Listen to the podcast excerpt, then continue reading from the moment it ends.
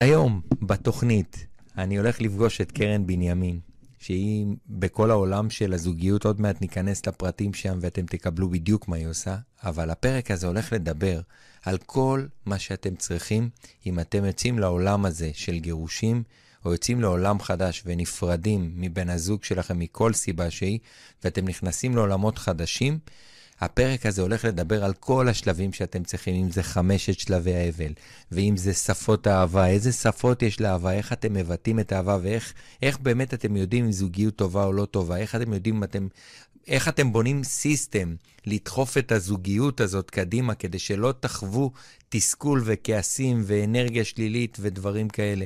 איך אתם מוצאים אה, את הבן זוג בצורה הנכונה. איזה שיטות, איזה כלים, איזה, איזה מעגלים יש היום. בקיצור, זה פרק מדהים, ואתם חייבים לצפות בו עד הסוף. פתיח, ואנחנו מתחילים. ועכשיו, לסלול את הדרך ללקוח הבא. תוכנית השיווק והאסטרטגיה של ישראל, בהגשת היועץ האסטרטגי ליאור אקירב. בתוכנית נבחן איך לבנות, לשפר ולקדם עסקים, נכיר סיפורי הצלחה, כלים באסטרטגיה, שיווק, מכירות ופיתוח עסקי, שיעלו את העסקים שלכם לרמה הבאה. בוקר טוב, קרן בנימין. איזה כיף לראות אותך פה איתנו בתוכנית. כן, כן, קודם כל אני אשים את הפריים עלייך, רק שיראו אותך קודם כל. שיגידו שלום. אז זאת קרן בנימין המהממת והאלופה, ובאמת אה, אשת אשכולות, שהיא משפיעה על הרבה מאוד אנשים. הייתה לה תוכנית ברדיו כמה שנים טובות. שלוש שנים, ו, ובאמת uh, עשתה השפעה מאוד מאוד גדולה, אתם חייבים להקשיב לפודקאסט שלה אחר כך. אז קרן, כמה מילים עלייך ככה לפני שאנחנו צוללים לתוכן. ספרי קצת למאזינים ולצופים. אוקיי, okay, אז קודם כל, בוקר טוב, איזה כיף להיות פה עוד פעם. אמ, אני, אני קרן בנימין, אני מטפלת אה, רגשית ומנחת סדנאות אה, לגרושים גרושות, אה, מנחת סדנאות לאהבה, לזוגיות פרק ב' ויועצת זוגית לזוגות בתחילת הדרך. ובעצם כשאני יצאתי מהגירושים שלי, אני יצאתי בהלם ומטולטלת ומזועזעת כמו הרבה מאיתנו. אה, והתחלתי לשאול שתי שאלות. התחלתי לשאול, לשאול למה זה קרה ואיך אפשר אחרת.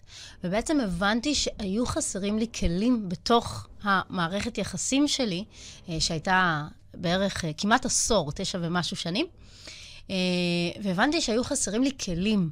והתחלתי ממש ללמוד את הכלים האלה.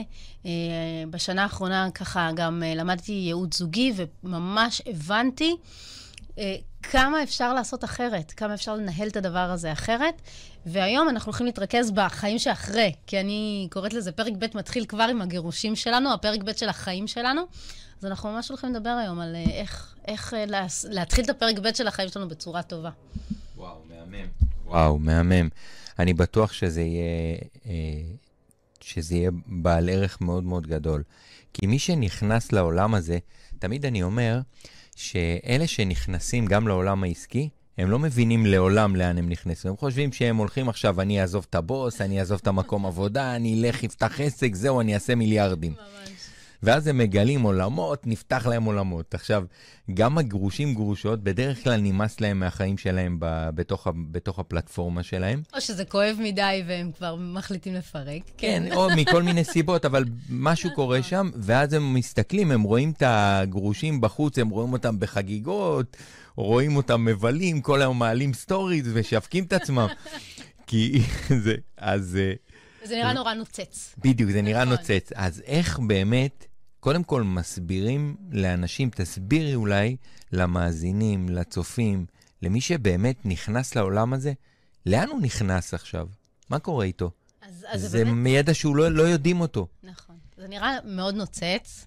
אה, שבאמת יוצאים, מבלים, ואולי זה עדיף לי מאשר הזוגיות שהייתה לי וכן הלאה, אבל מהר מאוד אנחנו מגלים אה, שזה יכול להיות מאוד בודד ומפחיד. אה, וזה כמו ללמוד ללכת מחדש, אה, ואיך מסתדרים ואיך מתקשרים עם בן או בת הזוג לשעבר, ההורים של הילדים שלנו, שתמיד יהיו ההורים של הילדים שלנו. ודייטים, מגיעות אליי המון המון נשים שאומרות לי, רגע, איך יוצאים עכשיו לדייטים? מה עושים? אז אנחנו כזה ממש אה, אה, ננסה לאט-לאט לתת את, ה, את הבסיס, את הבסיס שכל אחד שמתגרש עכשיו, או שעכשיו נמצא בתהליך גירושים, אה, צריך לדעת וצריך להכיר. אה, אני חושבת שהדבר הכי, נגיד הצעד הראשון, זה הלבד, ואני רוצה שנדבר על זה רגע. אוקיי. Okay. אה, אני חושבת שרק כשאנחנו יוצאים החוצה, ופתאום יש את השבתות שלי ואת השבתות שלו, אמ, פתאום אנחנו קולטים שכל החברים כזה התפצלו, חברים שלו והח... והחברים שלי.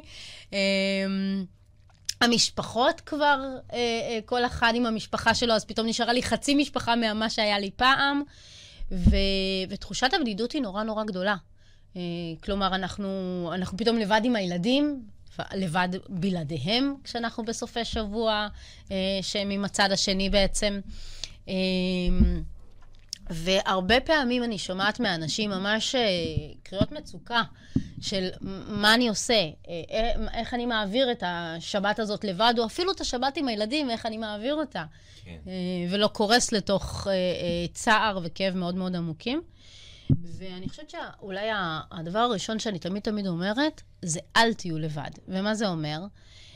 תמצאו את קבוצת השווים שלכם. אני מאוד מאמינה בזה. היום החברים הכי טובים שלי הם חברים שהם כמוני, הם גרושים, אם זה בזוגיות שנייה, אם זה עוד לא. אמ, ו, וממש יש לי כאילו את החבר'ה שלי שבלי לדבר הרבה, הם יודעים בדיוק מה אני מרגישה ומה אני עוברת ו, ואיזה אתגרים אה, אני אה, מתמודדת איתם. וזה נורא נורא חשוב, ומה שיפה היום, אה, נחשפת לזה קצת? יש המון המון המון קבוצות בפייסבוק. פייסבוק זה כלי אדיר. אה, ולכל קבוצה יש את האנרגיה שלה, אז אני אומרת, לכו ותחקרו איזה קבוצה טובה לכם. אה, אז יש, סתם אני ככה אזרוק, יש את הגימלים וגרושים ביחד, וגרושים סבירים, ופלוסים, ו, אה, ו, ו, וגרושים גרושות עושים בושות, ועוד מלא מלא מלא קבוצות, ולכל עיר יש את הקבוצה שלה. אמ, וממש זה כזה להיות uh, ביחד מחדש. בכלל יש היום uh, את, ה, את, ה, את הקושי הזה לעבור מהנפרדות uh, לביחד, וזו תנועה שקורית בעולם היום. אני חושב, קודם כל, מעולה, מה, ש, מה שנתת פה זה באמת אינפורמציה מאוד חשובה. אני חושב שנגיד, דווקא אני במקום שמרגיש שהלבד הוא מרפא אותי. זאת אומרת, כל אחד צריך למצוא את הנוסחה נכון, שמתאימה לו. ממש. נגיד עכשיו, אם מישהו רץ ישר למצוא לה ביחד, אז הוא לא מתמודד עם הלבד. עכשיו, הלבד זה בדידות, אתה פתאום חווה בדידות בכל התחומים נכון. בחיים שלך. נכון. עכשיו, אני לא מדבר על האינטראקציות שקורות לך בחיים, אני מדבר על, ה, על הזמן שלך עם עצמך. וכשאתה מתחיל למלא אותו מהר מדי, אז אתה לא התאבלת מספיק על מה שהיה. מהמם. אז, אה, אז אני, אני דווקא אומר, כאילו, אולי את מתכוונת שלב קצת יותר מאוחר, אולי קצת לי... אולי... אז, אז אני אסביר באמת, זה כן. מקסים שאתה אומר את זה, וזה מאוד מאוד נכון. אני חושבת שהרבה מאיתנו רצים אה, אחרי הגירושים, או אפילו אחרי הפרידה, אה, ממש ל, רצים מהר לזוגיות. אוקיי? וזה ממש, אני רואה את זה, מכירים את הריבאונד? אז זה קלאסי ריבאונד, וזה ממש לשים פלסטר על, ה, על הפצע המדמם, כאילו, אבל הפלסטר לא באמת מחזיק, כי הפצע כזה גדול.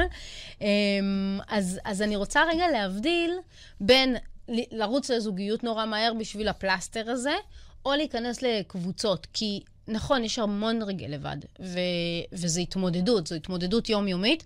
אני בכוונה בחרתי לדבר על זה בתור uh, התחלה, כי הלבד יהיה שם anyway. כאילו, כן. אנחנו anyway נרגיש אותו, ו- ו- וזה יהיה קשוח.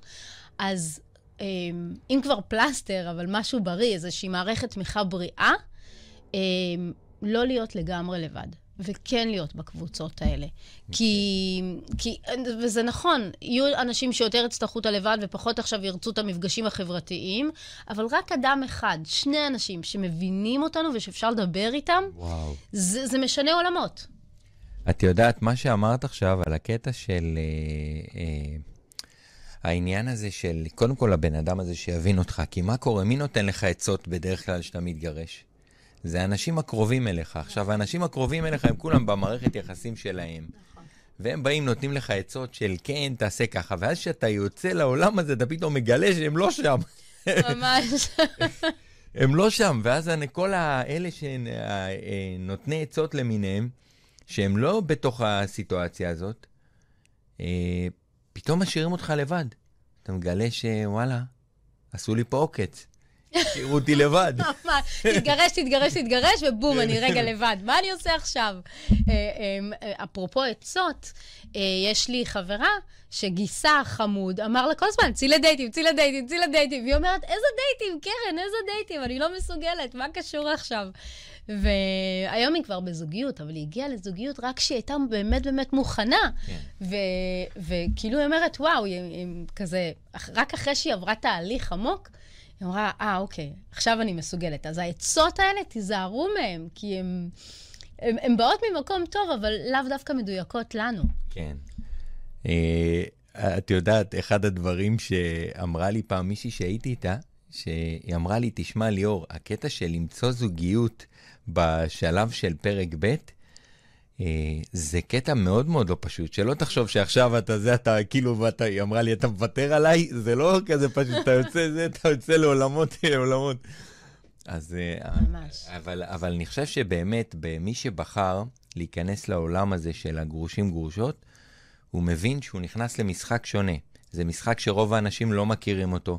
זה ממש כמו להיות עצמאי. נכון. אני פתאום מבין, ממש. שזה פתאום אני, את יודעת, שאני יצאתי להיות עצמאי, אז אמרתי, כן, אני לא יכול להיות ככה וככה, זה מתאים לי לעשות את הדברים בדרך שלי, פתאום אתה מגלה איזה דרך שלך, אתה עושה לפי הדרך של העולם, יש נוסחאות, אתה חייב להיות בתוך מסגרת, אתה, כאילו כל מה שפרצת והלכת נגד זה, פתאום אתה מגלה שזה הפוך, נכון. שהמציאות שמה לך בפנים דווקא את הדברים זה, ופה, דווקא בעולם הגרושים גרושות, פתאום אתה גם כן, זה כמו העצמות, אתה יוצא, אין לך את המסגרת. זה ללמוד מחדש. אתה, אם היית צריך להיות עם הילדים, אז פתאום אתה צריך ללמוד לעשות דברים שלא עשית.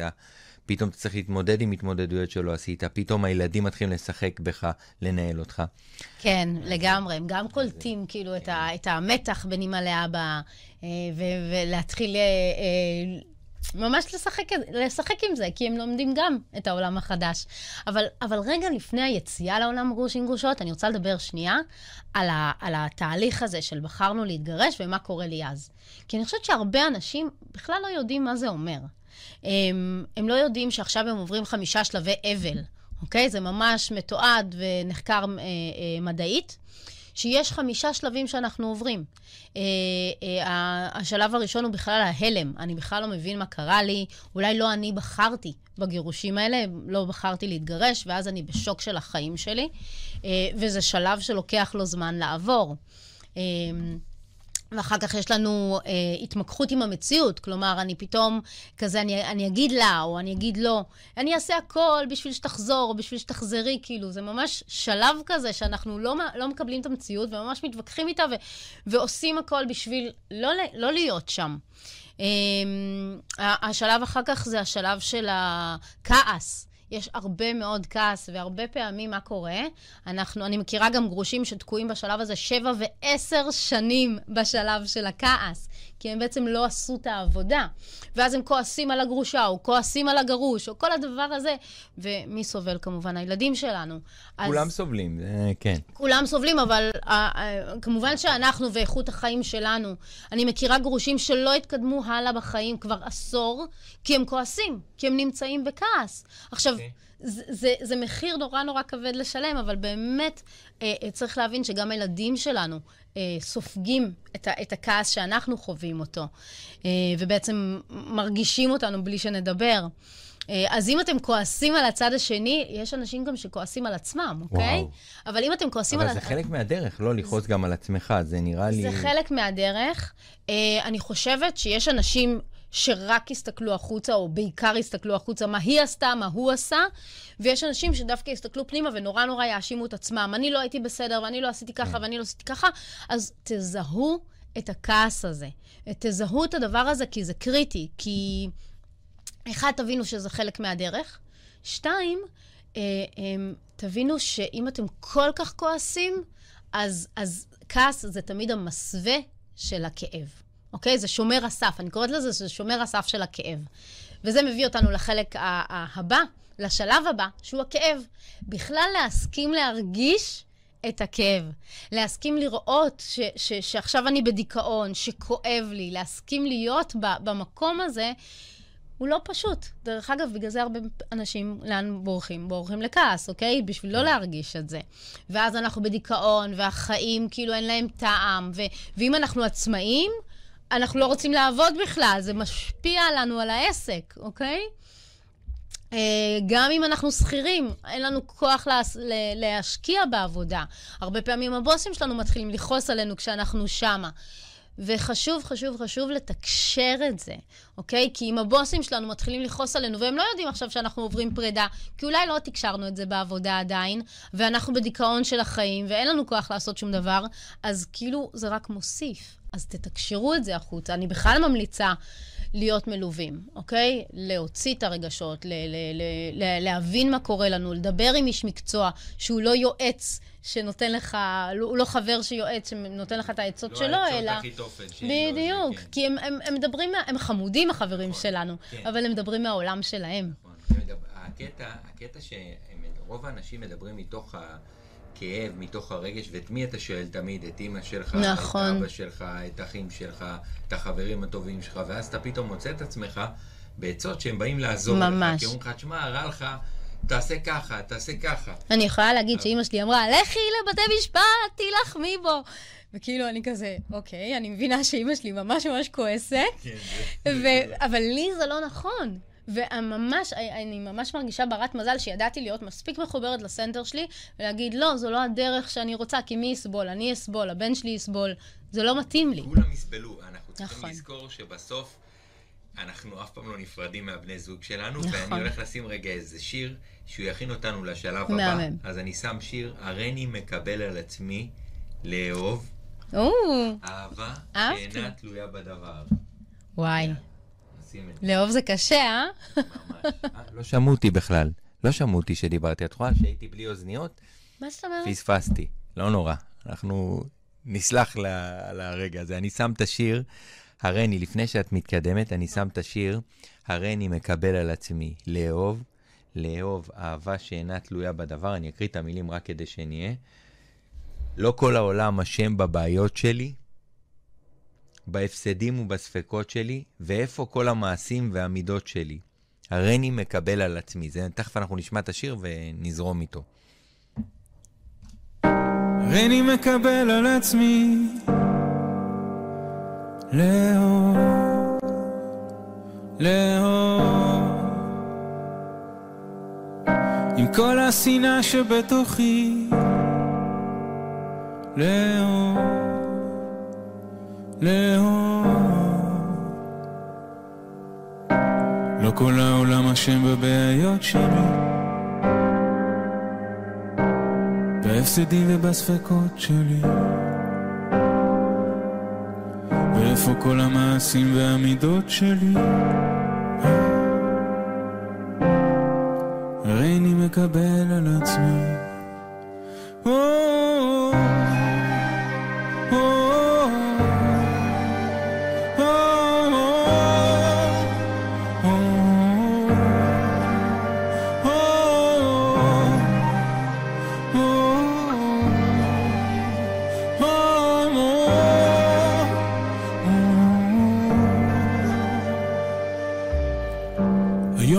לוקח אחריות על כל השטויות שעשיתי, בכל מי שפגעתי, מבקש סליחה על חומות ההיסוסים המגננה, על שליליות והקטנה. לחיות בשלום עם מי שאני, וסוף סוף להניח לעבר. עצמי להניח לזו שאהבתי, לחיות את החיים שלה בשקט, ולאחל לה רק טוב. גם לה מגיע לאהוב. גם לה מגיע לאהוב.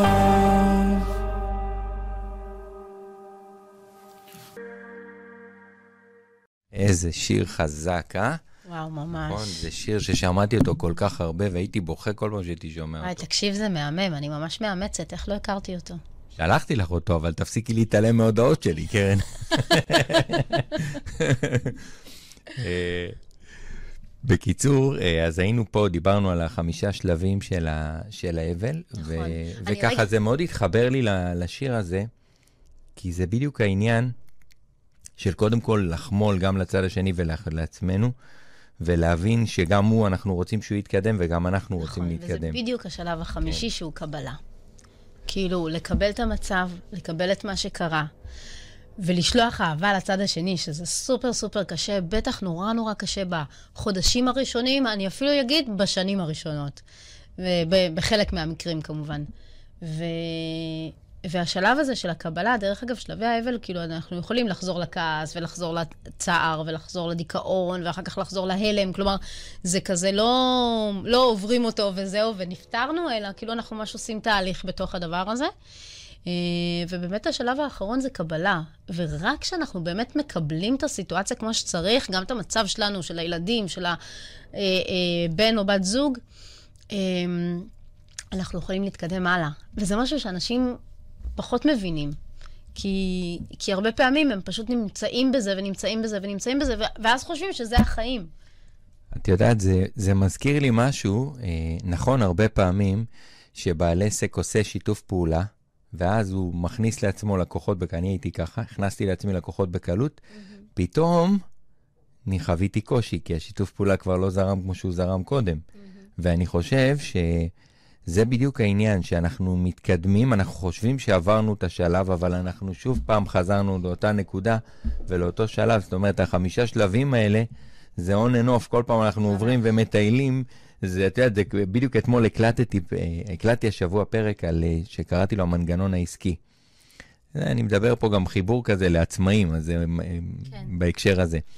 אז uh, בדיוק דיברתי על חמישה שלבים, שזה נגיד המוצר עצמו, השיווק, המכירות, תהליך המכירה, ההצעה, ובסוף שוב פעם הפ- הפיתוח של המוצר עצמו, שיש לו גם כן, uh, uh, איך אני מפרק את התהליך, כאילו בתוך הזה, מתחיל להיכנס לרזולוציה יותר עמוקה, ואז זה שוב פעם חוזר על עצמו. וזה כל הזמן הולך וחוזר על עצמו. וכל פעם שאנחנו מתקדמים, גם בהקשר הזה של הגירושים, אנחנו חווים איזשהו ריפוי, ואז שוב פעם פצע חדש, שוב פעם ריפוי, שוב פעם פצע חדש, אתה מכיר מישהי, פתאום אתה מגלה שזה, פתאום עוד הפעם זה הפצע. ואז זה נראה קצת לופ, ואז אתה אומר, כן. רגע, מה, זה, זה, זה, יוצאים זה מהלופ לא מתקדם, כאילו? אז קודם כל, הלופים הם ככה, בסדר? אני ככה? בכוונה רוצה להראות את זה אה, אה, ויזואלית. כן, אני- רגע כלפ- רוצה זה כמו, את זה כמו, למי שמקשיב לנו ולא רואה אותנו, אז זה כמו ספירלה כלפי מעלה. והרעיון הוא שיש רגעים של קושי בשביל, כמו, כמו להצמיח אותנו לשלב הבא, ובהיבט הזה אני רגע רוצה לדבר על בכלל למה מתגרשים ומה זה תהליך הגירושים, אוקיי? כי פעם, מה היה פעם? פעם סבלנו ונשארנו, כי אסור להתגרש, וזה היה כאילו טאבו, ו- וזה לא היה נפוץ, והיום אנחנו כאילו יוצאים מאוד מאוד בקלות החוצה. אחד הדברים זה בשביל לדייק את עצמנו. אני הרבה פעמים אומרת, להתגרש ממי שאני הייתי בתוך הזוגיות הזאת. כי אולי אני הייתי קורבני, או אולי אני הייתי חלש, או אולי אני הייתי אה, אטום. אוקיי? אטום ו- ולא קשוב לצד השני. כלומר, אנחנו רגע רוצים להבין שהגירושים לא קרו מ- מסתם ככה, אלא יש איזושהי סיבה. והסיבה היא כי משהו כבר לא עבד ולא הצלחנו לתקן ביחד. היום אני יועצת זוגית. והמסע הזוגי הוא שכל פעם בני הזוג יצמחו ביחד, והצמיחה הזאת זה כזה מקרב אותנו אחד לשני, ואנחנו נעשים חזקים יותר וטובים יותר ביחד. עכשיו, הרבה פעמים בתוך גירושים, או אחד הצדדים או שני הצדדים, אוקיי? לא הסכימו לצמוח, לא השכילו גם לצמוח. אצלי זה לגמרי היה ככה, ואני ממש אומרת את זה בשביל לנרמל לכל אלה ש... שלא הצליחו לעשות את זה בתוך הזוגיות. כן. כי זה גם מביא, מביא, השלב הזה הוא מביא הרבה אשמה. נכון. כי אתה אומר, רגע, מה קורה? כאילו, למה אני לא, מה, אולי אני לא דחפתי לכיוון שלה, אולי אני לא דחפתי אותה, אולי אני לא לא דחפתי אותי, מספיק. אולי אני לא, אולי לא, לא הבנתי מספיק. אתה מתחיל עם הרבה אשמה פה בקטע הזה, אז... אה, ולכן אני אומרת שאני שאלתי שתי שאלות. למה זה קרה, אבל לא ממקום קורבני, אלא ממקום שרוצה, שמתבונן ורוצה להבין. לשם מה זה קרה, לשם מה זה נכנס לחיים שלי. אוקיי? כי אני באמת מאמינה, וזה משהו שנורא נורא עוזר לי בצורה אישית אה, אה, להתקדם בחיים ולא לכאוב אותם, אה, אה, להבין שכל דבר נוצר מתוך סיבה. והדבר השני זה איך אפשר אחרת, כי אם... קרה משהו אחד, אז אני, אני באיזושהי חמלה, אני סולחת לעצמי על הטעויות שעשיתי, על הטעויות שהצד השני עשה, על זה שלא ידענו, על זה שלא ידענו להחזיק את זה ביחד. ואז להגיד, אוקיי, אז איך אפשר אחרת? מה אני היום יכולה לעשות שהוא אחר? איך אני יכול ללמוד, לתקשר יותר טוב, להביע את הרצונות שלי? יש המון אנשים שבכלל לא מדברים בתוך הזוגיות, אוקיי? או יש אנשים שרק צועקים בתוך זוגיות, אוקיי? דרך אגב, צעקה, מאחורי כל צעקה, וזה הבן שלי, אה, אה, מכיר את המשפט הזה טוב, מאחורי כל צעקה עומד צורך. אז להבין שכשאנחנו מגיעים לידי צעקה, זה אומר שלא דיברנו את הצורך הרבה הרבה לפני. ו, ופתאום אנחנו לומדים להיות קשובים, אני כזה ממש, אה, אני עובדת היום המון דרך הקשבה לגוף, ואנחנו ממש מרגישים בבטן איזו התכווצות, שמה לא דיברנו. ופתאום, כשההתכווצות קורית בזמן אמת, אנחנו מתחילים לדבר את זה. אנחנו מתחילים לפעול אחרת, כי אם ההתכווצות קורית ואנחנו לא מדברים את זה, אז זה חונק אותנו, חונק אותנו, ואז זה יוצא בצורה של צעקה. אוקיי? Okay, אז אנחנו ממש לומדים, קודם כל, לסלוח לעצמנו על כל הטעויות שעשינו שם, ואז לתקן. איך אפשר אחרת? אני, העסק שלי היום נקרא לבחור בדרך חדשה, אוקיי? Okay? זה ממש לבחור עם עצמנו בדרך חדשה. להבין איך אנחנו יכולים לעשות דברים בצורה אחרת. ודרך אגב, ממש מההרצאה האחרונה שעשיתי, לקבוצת גרושים גרושות, אז אני ממש מדמה את זה לפינוי-בינוי, אוקיי? אתה הורס את כל היסודות, את כל הבית הישן שהיה, ואתה מחליט לבנות אותו בדרך אחרת, בדרך טובה יותר. ובפינוי-בינוי אנחנו חייבים ליצור, להרוס את היסודות וליצור יסודות חזקים יותר. זה בדיוק התהליך שקורה מהרגע שמחליטים להיפרד, עד הרגע ש... את האמת שאין עד. זה כן, פשוט כן, זה נעשה ממשיך. כל החיים. כזה. יש לי שתי שאלות על, ה, על העניין הזה. אחד, הרי אנחנו אלה שיצרו את הזוגיות הקודמת. נכון. איך אנחנו יודעים שאנחנו באמת השתננו? כי אנחנו אלה שיצרנו אותם. נכון. אז הרבה מאוד אנשים מגיעים אליי עם השאלה הזאת, זה מדהים ששאלת את זה. כאילו, הם אומרים, איך אני אדע שעכשיו אני אכנס לזוגיות וזה יהיה בסדר? אז קודם כל, אנחנו לא יודעים. אנחנו לומדים את זה תוך כדי. אוקיי?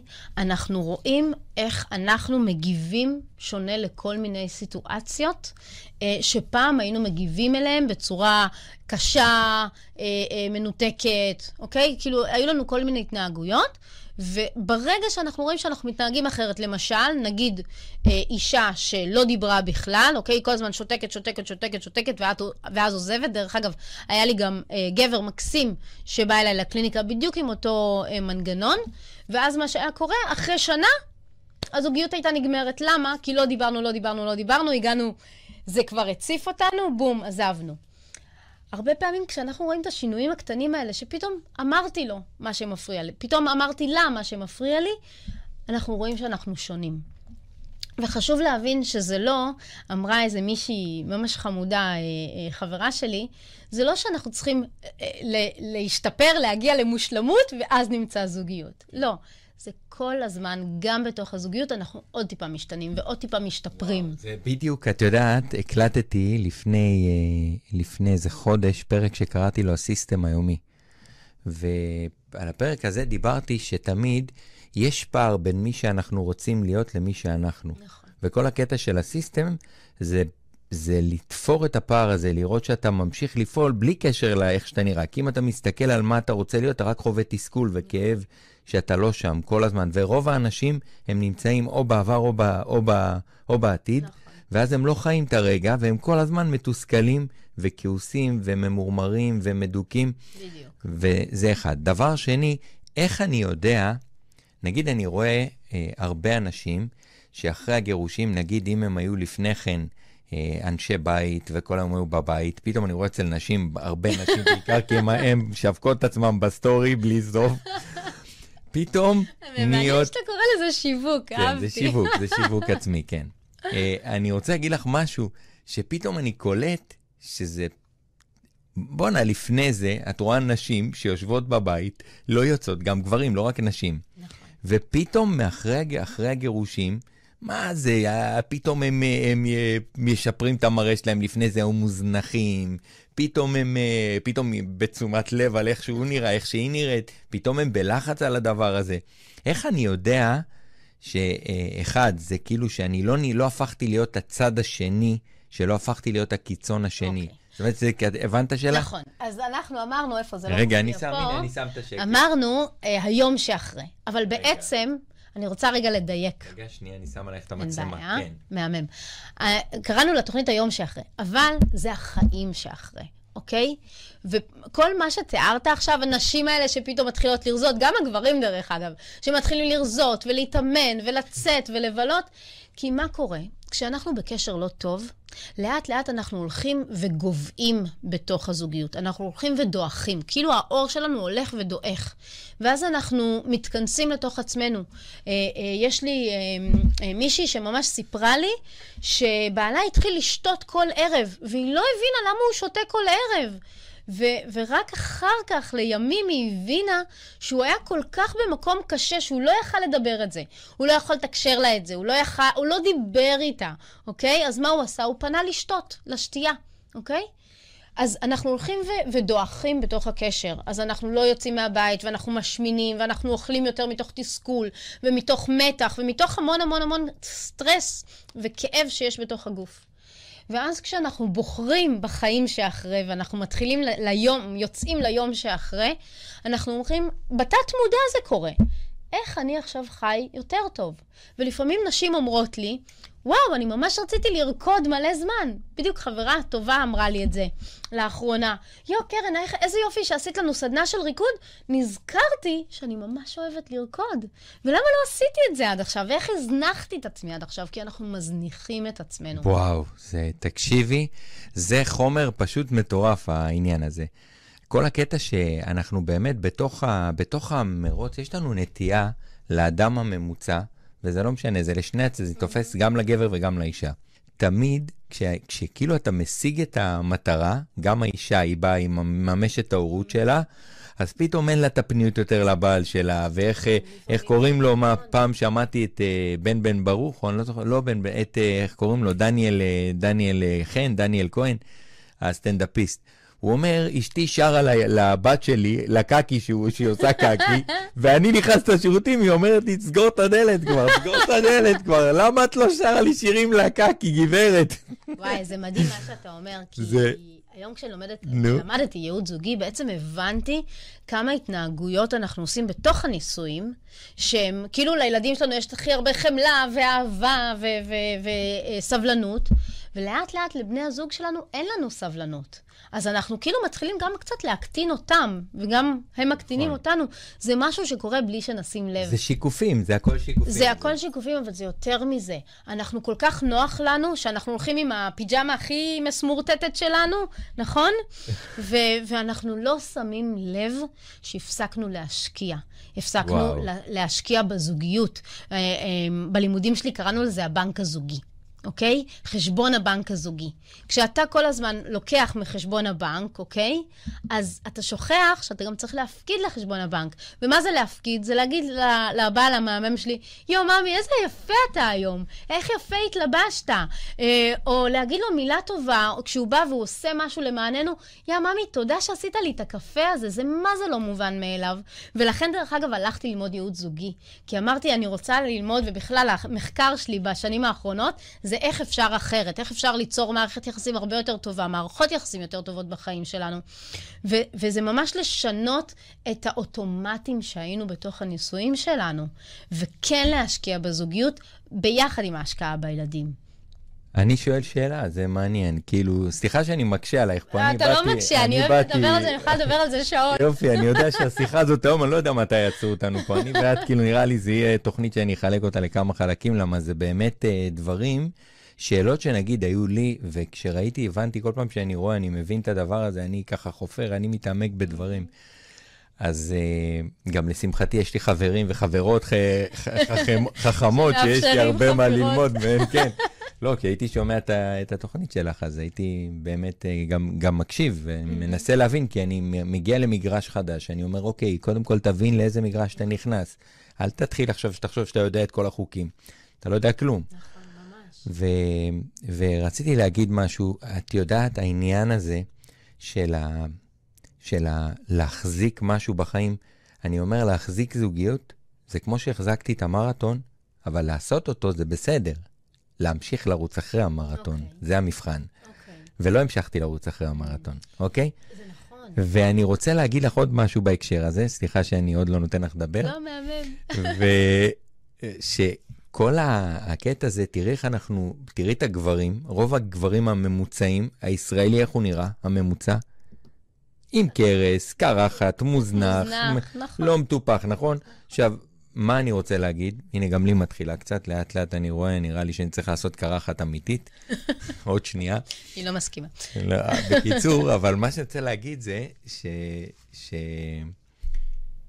העניין הזה של לשמור על עצמנו הוא מהותי. נכון. אבל אנחנו, ב... אני שואל את עצמי, איך אני יודע שנגיד עכשיו, הנה, שוב פעם, נגיד את רואה, גם, הרי גם יש, נגיד, אני, אני קצת התעמקתי בעולם הזה של הגירושים, נגיד, אני רואה מה קורה לנשים בגיל 40, מה קורה להם בגיל 50, מה קורה להם בגיל 60 ומה קורה להם קדימה. ואת רואה שבגיל מאוחר יותר, הן רובן, נש... הרבה נשארות רווקות, לבד. כבר איבדו את האמון בזוגיות, אני רואה, גם אימא שלי נשארה לבד, כאילו, אחרי שאבא שלי נפטר, והיא לא התקדמה מאז. כן, ו- וזה, וזה קטע מאוד מעניין, שכאילו, כי זה דורש מאיתנו מאמץ. זוגיות, זוגיות זה דורש עבודה. מאמץ, נכון. זה דורש עכשיו, יותר מזה. יש שתי סיבות. אוקיי? אחד, באמת כי זה דורש מאמץ, ואנשים אומרים, די, אני לא רוצה להתאמץ יותר.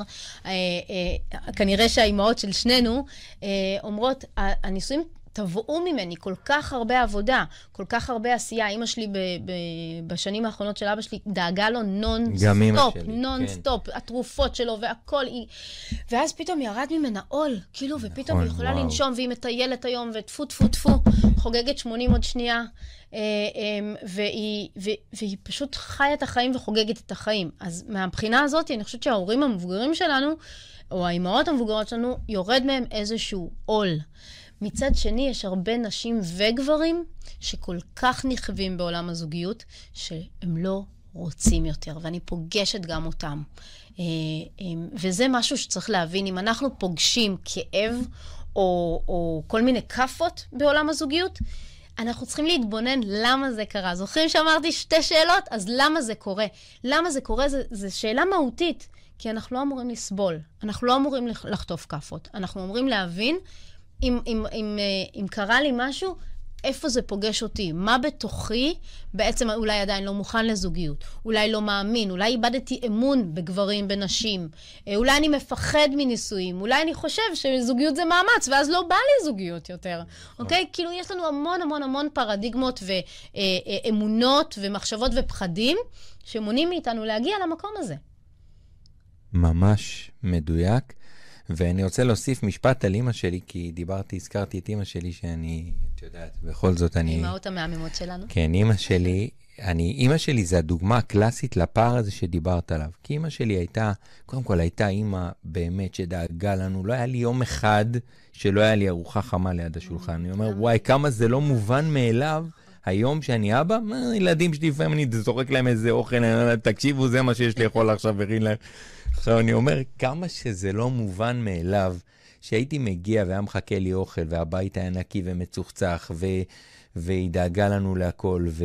ואבא שלי היה מגיע והיה היה לו את הפינה שלו, לא היה צריך להתמודד איתנו. אבא שלי, אבא שלי הוא המקרה הקלאסי של הזוג, שהוא ברח לחיים שלו, היה הולך לעבודה, לעבודה. היה, היה בורח לעבוד בדיוק. בשביל השקט שלו. עכשיו הוא לפעמים, יכול להיות שהוא גם נמנע מעימותים. זה גם ש- היה התפקיד הקלאסי של גברים פעם, זה כבר לא עובד היום. נכון, נכון, אבל גם יכול להיות שהוא נמנע מעימותים. נכון. אני הרבה פעמים שאלתי את עצמי, למה, למה הוא לא היה מגיע להיות שם? וחש... ובהתחלה שפטתי אותו מאוד, ואחרי שהוא נפטר כמה שנים אחרי, ביקשתי סליחה וזה, בקטע עם עצמי. כן.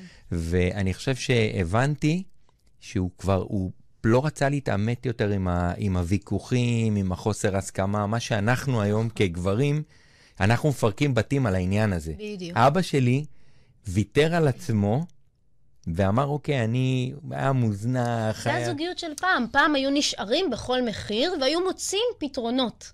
אז אבא שלך מצא פתרון להישאר בעבודה כמה שיותר, בשביל לא להיות, לא להתעמת. ואני רוצה להוסיף עוד משהו, ואימא שלי הייתה פעילה חברתית, והייתה פוגשת מלא אנשים, וכל, הייתה יפהפייה, עד היום היא, ברוך השם, נראית מהמם וזה. ואני אומר, אה, את יודעת, כאילו, כל הזמן היא הלכה לכיוון הזה, היא הייתה חברותית, ואבא שלי היה כל פעם בורח לאזור הנוחות שלו, שהיה מספר את אותם סיפורים, שהיה בורח ל, לאזור הנוחות שלו, ובסוף נוצר פער מטורף. איך אנחנו יודעים, באמת, שואל את עצמי, כי אני מתחיל לחשוב קדימה, מה יהיה, מה יהיה איתי, באמת, לאן אני, איך אני, mm. איך אני אגיע למסלול הנכון, שאני לא ארגיש שאני נופל בקטעים האלה, למרות שזה... לא תשחזר. אין... אז הרבה פעמים אנחנו משחזרים את הזוגיות שהייתה לנו, ממש בהתחלה. אה, בדרך כלל בהתחלה, אנשים לא מודעים גם יכולים לשחזר את זה כל הזמן. אה, הרעיון הוא להתפתח ולהיות מודע, אוקיי? זוכרים מה אמרתי? אה, למה זה קרה ואיך אפשר אחרת. כשאנחנו משנים את עצמנו, הזוגיות שתגיע אלינו, היא תהיה יותר מדויקת. למשל, אישה שכל הזמן הייתה דומיננטית בבית והלכה עם גברים שהם אה, תלויים בה, אוקיי? או גבר שהיה מאוד דומיננטי והלך עם נשים שתלויות בו, מאוד חלשות, אה, אה, מאוד, אה, אה, שהוא צריך להציל אותם או לעזור להם, אוקיי? שימו לב לדינמיקה הזאת. כשהגבר הזה או האישה הזאת יחליטו להיות עם עצמם פחות חזקים, פחות להיות ב control הזה, ויסכימו להיות קצת יותר באיזון. אני ממש כאילו, אם, אם, אם אתה רוצה, יש לכל דבר ציר, חזק וחלש. כן, אוקיי? נכון, אני אוהב להשתמש בזה. כשאנחנו מתקרבים לקו האמצע, גם הבני זוג שנמשוך יהיו קרובים יותר לקו האמצע. ואז כשאנחנו נהיה יחסית מאוזנים, גם בני הזוג שלנו יהיו יחסית מאוזנים, ושם נוכל לעשות, דרך אגב, עבודה נוספת בתוך הזוגיות. אוקיי? Okay? כי זה כל הזמן עבודה. אבל מלכתחילה, כשאנחנו יותר מאוזנים ולא בקצוות, הזוגיות תהיה הרבה יותר טובה. וזה, וזה בעצם המודל כולו, אם, אם אמרת סיסטם uh, יומי, אז הסיסטם לחיים החדשים שלנו, אוקיי? זה כל הזמן לעשות עבודה על איפה אני עדיין לא באיזון שלי, איפה אני עדיין בקיצוניות שלי, ושמה לאזן. ואתם ממש תראו שהאנשים שיגיעו אליכם, בני הזוג החדשים שייכנסו לחיים שלכם, הרבה הרבה יותר מאוזנים. וואו. זה, תראי, זה מעניין מאוד, ודיברת על קו האמצע. אני חושב שהעניין עם קו האמצע זה שהרבה פעמים נגיד שמישהו עכשיו, אם הוא כעסן, ואז אתה אומר לו פייסן, לצורך העניין, ואז אתה אומר, אוקיי, ת, תקשיב, בוא תתפייס במקום לכעוס. אז הוא לא, הוא יישאר כעסן, אבל הוא יישאר, יהיה קצת יותר מידתי. נכון. ואני חושב... והמידתיות ש... הזאת היא, היא הנקודה. בדיוק, המידתיות, הרבה פעמים, נגיד, דתיים הולכים לרבנים, mm-hmm. נכון? אז היועץ שלהם זה הרב. ויש את החוקים של התורה שהם מאוד נוקשה, והיא מאלצת אותם לשמור על המסגרת.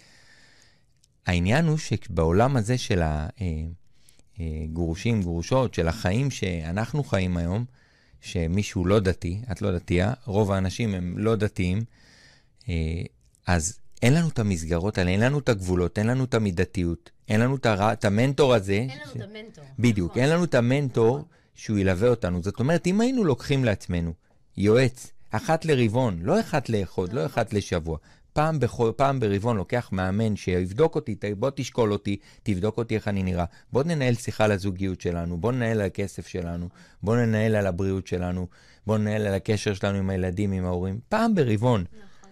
החיים שלנו היו נראים אחרת. אבל מה קורה? עזבי פעם ברבעון, פעם בשנה. קח, תעשה יחסינו כן, לאן עם הזה. ממש. פעם בשנה, קח מישהו.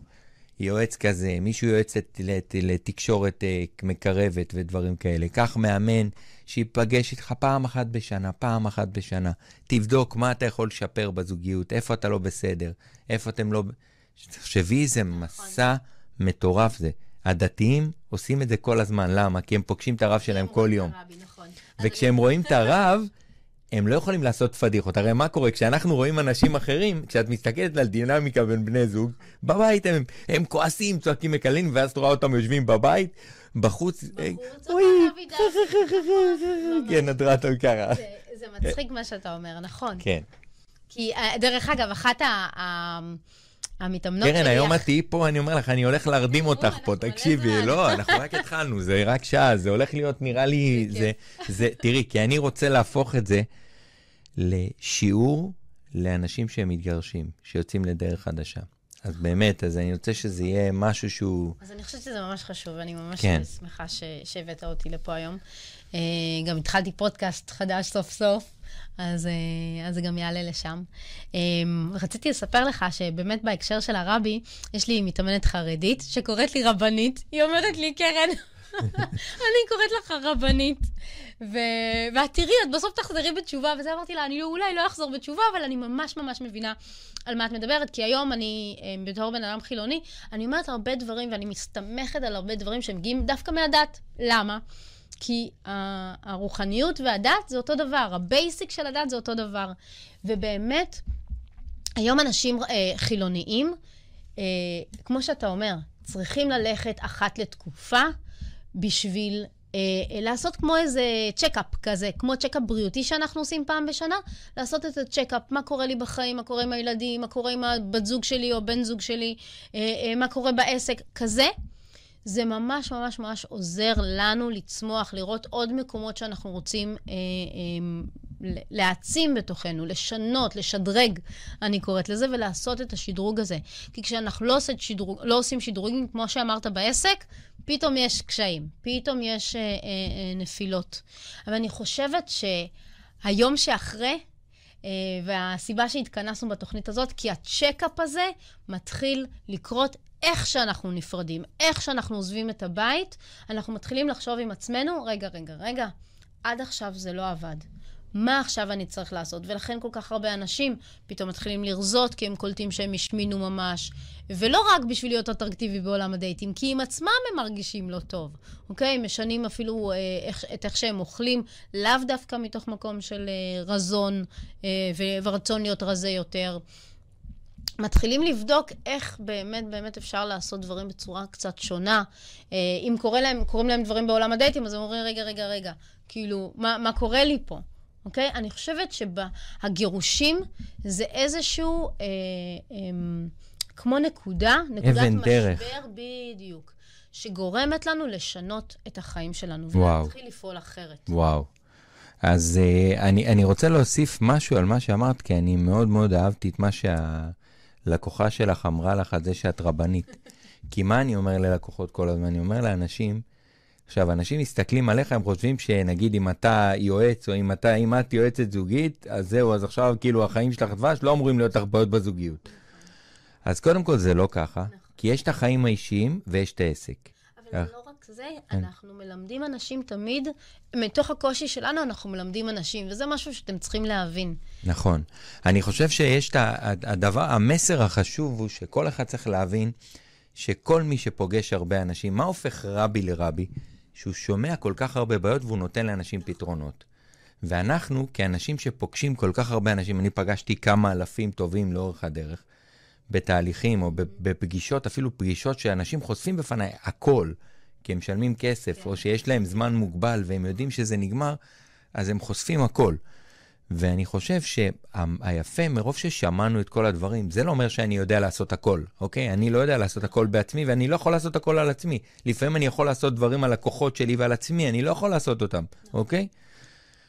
כאילו, יותר קל לנו להיות, במב... זה, זה לא שקל לנו, זה העבודה שלנו, זה החיים שלנו, זה כמו שמוסכניק תיתן לו אוטו, עכשיו הוא יתקן את האוטו, הוא יודע לתקן אותו, אז אנחנו כבר יודעים לתקן הרבה דברים. זה לא אומר שהאוטו שלי עכשיו 100% פיקס, תשתי, רוב המוסכניקים, לא, לא, מוסכניק זה לא דוגמה, אבל דוגמה של סנדלר, זה הדוגמה הקלאסית. רופא. אוקיי? אפילו רופא, רופא אורתופד. בסדר, רופא אורתופד, אין לו בעיות אורתופדיות. אה, אה, רופא שהוא, אה, אני לא יודע מה, פסיכולוג, אין לו בעיות, בעיות פסיכולוגיות, יש לו יותר בעיות פסיכולוגיות. למה הוא כל היום חי את הבעיות האלה, אוקיי? נכון. אז בהקשר הזה, אז נורא אהבתי את האנלוגיה הזאת, כי אני כל הזמן אומר לאנשים, אנחנו, אנשים שהם יועצים, מאמנים, מטפלים, שהם פוגשים הרבה מאוד אנשים, יש להם ראייה, יש להם תפיסה, יש להם יכולת כי הם כבר ראו המון המון דברים. זה לא רק זה, גם למדנו, התעמקנו כן. בזה. זה העבודה שלנו, אנחנו לומדים 24/7 איך עוד לעזור, עוד להתמקצע. כאילו, זה מה שלקחנו בחיים שלנו. נכון, מי, ש, מי שבחר להיות בעל עסק, עזבי רגע את זה שאת לומדת קורסים והכשרות, כי זה אנחנו לומדים אה, כל הזמן אנשים. אני למשל קונה הרבה אינטרנטים, אני קונה קורסים מבחוץ, את אוהבת ללכת לכל הקורסים הפיזיים וזה. היום גם, גם וגם. אוקיי, okay.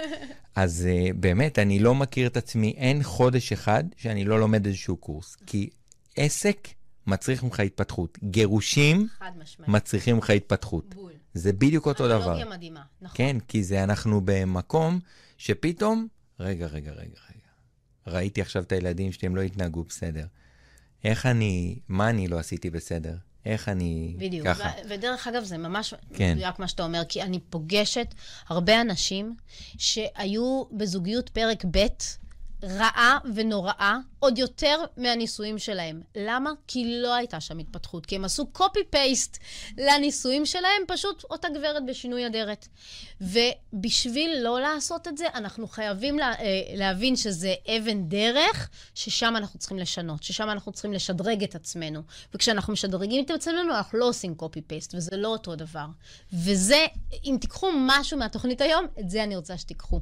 את, ה, את המקום שבשביל לא לעשות copy-paste למערכות היחסים שלנו, אנחנו חייבים להתבונן ולשדרג. יש לי עוד שאלה אחת מעניינת, שאני רואה, את יודעת, פעם כשהייתי מסתכל על uh, גרושים גרושות, אז הייתי מסתכל, תמיד הייתי אומר, uh, הרבה פעמים מסתכל בתחושה שלי, כאילו המערכת לא הוגנת. אבל אז גיליתי שרוב הגברים הם רוצים לברוח. מה הכוונה? אני אסביר לך משהו. נכון, כמו שהרבה פעמים, לא שאני חס וחלילה, זה לא כל הגברים, יש גברים שיש לי חברים שהם הורים סופר מדהימים, והם נותנים את הנשמה שלהם, לא מוותרים על, הם יותר ממה שהם צריכים להיות עם הילדים, רוצים לי גם ילד בילד, כל שעה שהוא יבוא הם איתם.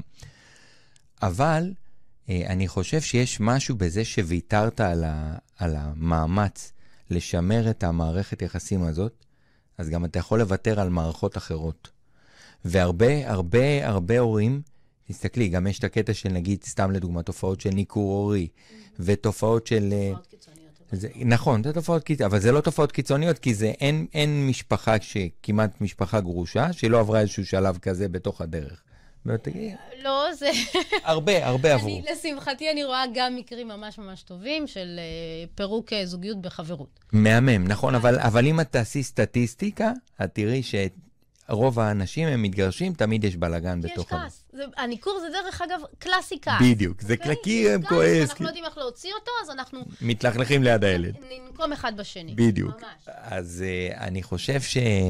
Uh, כי פשוט כתבתי לעצמי, איך אני יודע שאם ויתרתי על הזוגיות שלי, לא אני, בכלליות, כבן אדם שהוא פתאום uh, מוותר על משהו, שאני לא אוותר גם על המאמץ עם הילדים שלי, כי ויתרתי על המאמץ, היא ויתרה על המאמץ של הזוגיות. זה גם, גם נשים שעוזבות את הילדים שלהם, זה לא רק גברים.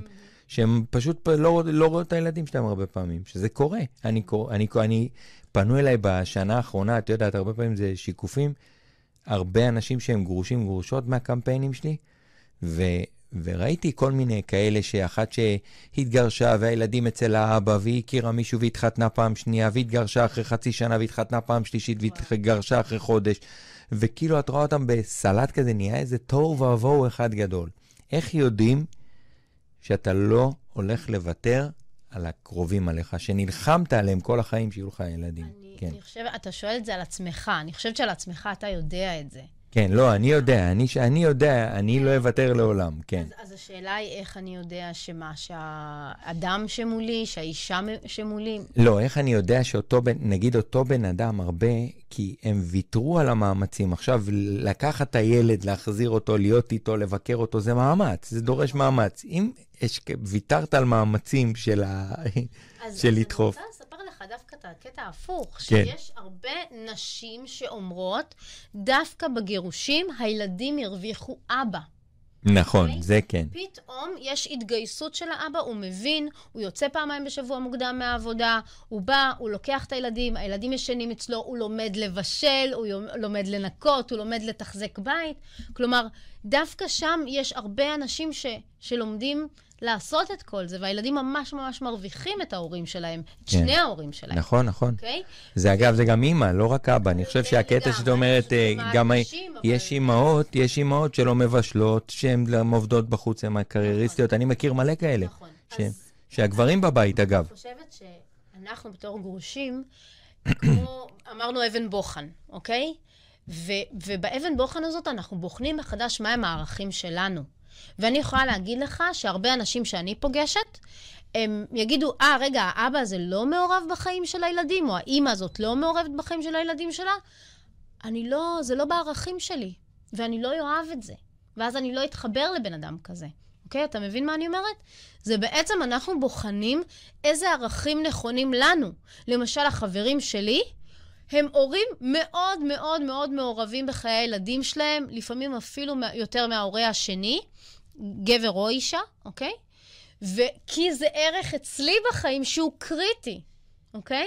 אז אנחנו באמת, ב- ב- בנקודת משבר הזאת, אנחנו בוחנים את הערכים שלנו מחדש, ואנחנו בוחרים איזה ערכים אנחנו חיים על פיהם, ויכול להיות שאם אדם כזה, אה, אה, שהוא לא בערכים שלי והוא לא הורה מעורב, אנחנו לא נצליח להיות טולרנטים לדבר הזה. ואז אנחנו נבחר שלא להיות שם. כן. זה בסוף, את יודעת, העניין, אחרי ה...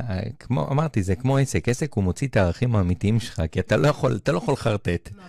עכשיו, גם, אה, גם בגירושים, פתאום, אם היית עכשיו יכול לעטוף את זה, שזה היה לך נוח, שזה פתר לך כל מיני בעיות וזה, פתאום אתה לא יכול לחרטט. אתה, אתה צריך להתמודד עם משהו, ואם זה לא הערך שלך, זה יהיה מאוד מאוד קשה. בדיוק. אם זה לא זה... הערך שלהם להיות עם הילדים שלהם, אז הם לא יהיו עם הילדים שלהם. אבל אם זה הערך שלי, אז אולי אני לא אבחר באדם או אישה כאלה, אוקיי? ממש. טוב, אז דיברנו ככה בגדול על הכניסה לעולם. אה, המלצות, מה, מה את מציעה לאנשים שהם נכנסים עכשיו לעולם הגרושים גרושות? מה, מה לעשות בכלליות? איך להתחיל את החיים מחדש? אז, אז באמת, קודם כל, כמו שאמרתי, מערכת תמיכה, ומערכת תמיכה זה לא להיות לבד. אה, אה, ממש לראות איזה קבוצה נכונה לי, איזה קבוצת אנשים. ו, ודרך אגב, חברים, צריך בן אדם אחד. צריך חבר אחד, צריך שני חברים. That's it, אוקיי? לא צריך עכשיו מיליון. אה, זה כבר עוזר לנו להרגיש פחות לבד בתוך הדבר הזה. להבין מה זה שלבי האבל, להבין שיש את זה, לקרוא על זה קצת, לשמוע קצת, להתחיל להבין מה זה העולם הזה שנכנסנו לתוכו, מה קורה לי רגשית, איזה תהליכים רגשיים אני עובר כשאני עכשיו מתגרש או מתגרשת. אמ, אה, ולהתחיל אה, אה, לראות אם אני מאוד באשמה או אם אני מאוד בכעס, אז להבין, רגע, אז מה, למה אני באשמה? למה אני בכעס? יכול להיות שאם אני באשמה מאוד גדולה, זה האוטומט שלי. אז אני אגיד, אוקיי, אז זה האוטומט שלי, אז רגע, מה אני צריך לעשות בעצם הפוך? אולי אני צריך לחמול על עצמי, לסלוח לעצמי על הטעויות שעשיתי. או אם אני בכעס, אולי אני צריך לסמוח, לסלוח לצד השני, אוקיי? ממש תראו את ה... את ה הקו הדק הזה, שצריך להתחיל כאילו כמו לקרוא אותו, אוקיי? לקרוא את עצמנו אה, וללמוד. אה, התפתחות, הרבה מאוד אנשים גרושים נחשפים לעולם ההתפתחות בפעם הראשונה בחיים שלהם, וכל אחד עובר התפתחות בקצב שלו. יש המון פסטיבלים והמון אה, אה, אה, אה, פודקאסטים והמון אה, אה, אנשים שמדברים על זה, ותוכניות טלוויזיה שמדברות על זה, על עולם הגירושים. להתחיל להקשיב, להתחיל לשמוע, להתחיל לראות מה נכון לי. אה, אה, יש כאלה שהולכים לויפאסנה, ויש כאלה שילכו ל... אה, לא יודעת מה, ריברת'ינג, או, אה, או כאלה שילכו ל... אה, איזה ריטריט על זוגיות, אוקיי? כל אחד מתפתח בדרך שלו להבין שזה צו השעה, פשוט ככה. זה מה שאנחנו צריכים לעשות. אה, זה מאוד מאוד עוזר בשביל להבין את העולם הזה. אה, ו- ואחד הכללי אצבע, אם משהו לא עובד, אז ניקח זכוכית מגדלת ונסתכל למה זה לא עובד לי. אם זוגיות לא עובדת לי, להסתכל ולשאול שאלה, רגע, אז למה זוגיות לא עובדת לי כרגע? מה קרה? אוקיי? השאלה הזאת היא מכניסה אותנו פנימה. אולי אני ממש מפחד, אולי אני ממש, יש לי אמונה שזוגיות זה מאמץ, או זוגיות זה חרא, תסלחו לי על הביטוי. כן, כאילו, נשים זה חרא, גברים זה חרא, יש כל מיני אנשים עם אמונות כאלה, אבל לפני שנעבור לאהבה ולזוגיות, נשמע שיר, ואז נשים. אז עכשיו אני שם שיר של מוקי, מה החיים האלה בלי לאהוב. אהבתי, מהמם. איזה שירים מדהימים.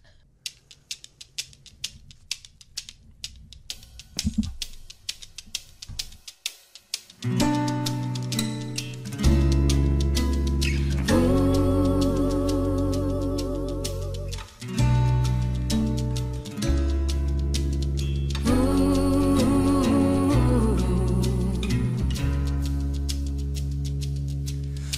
החיים האלה בלי לאהוב?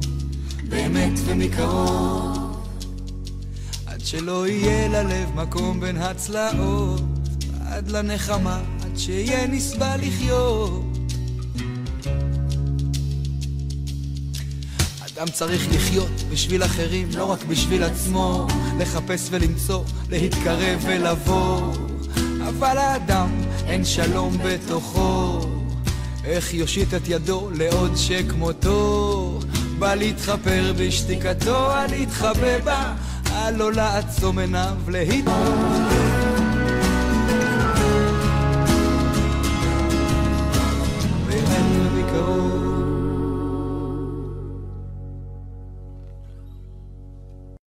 חזרנו, אז uh, אני עכשיו ככה.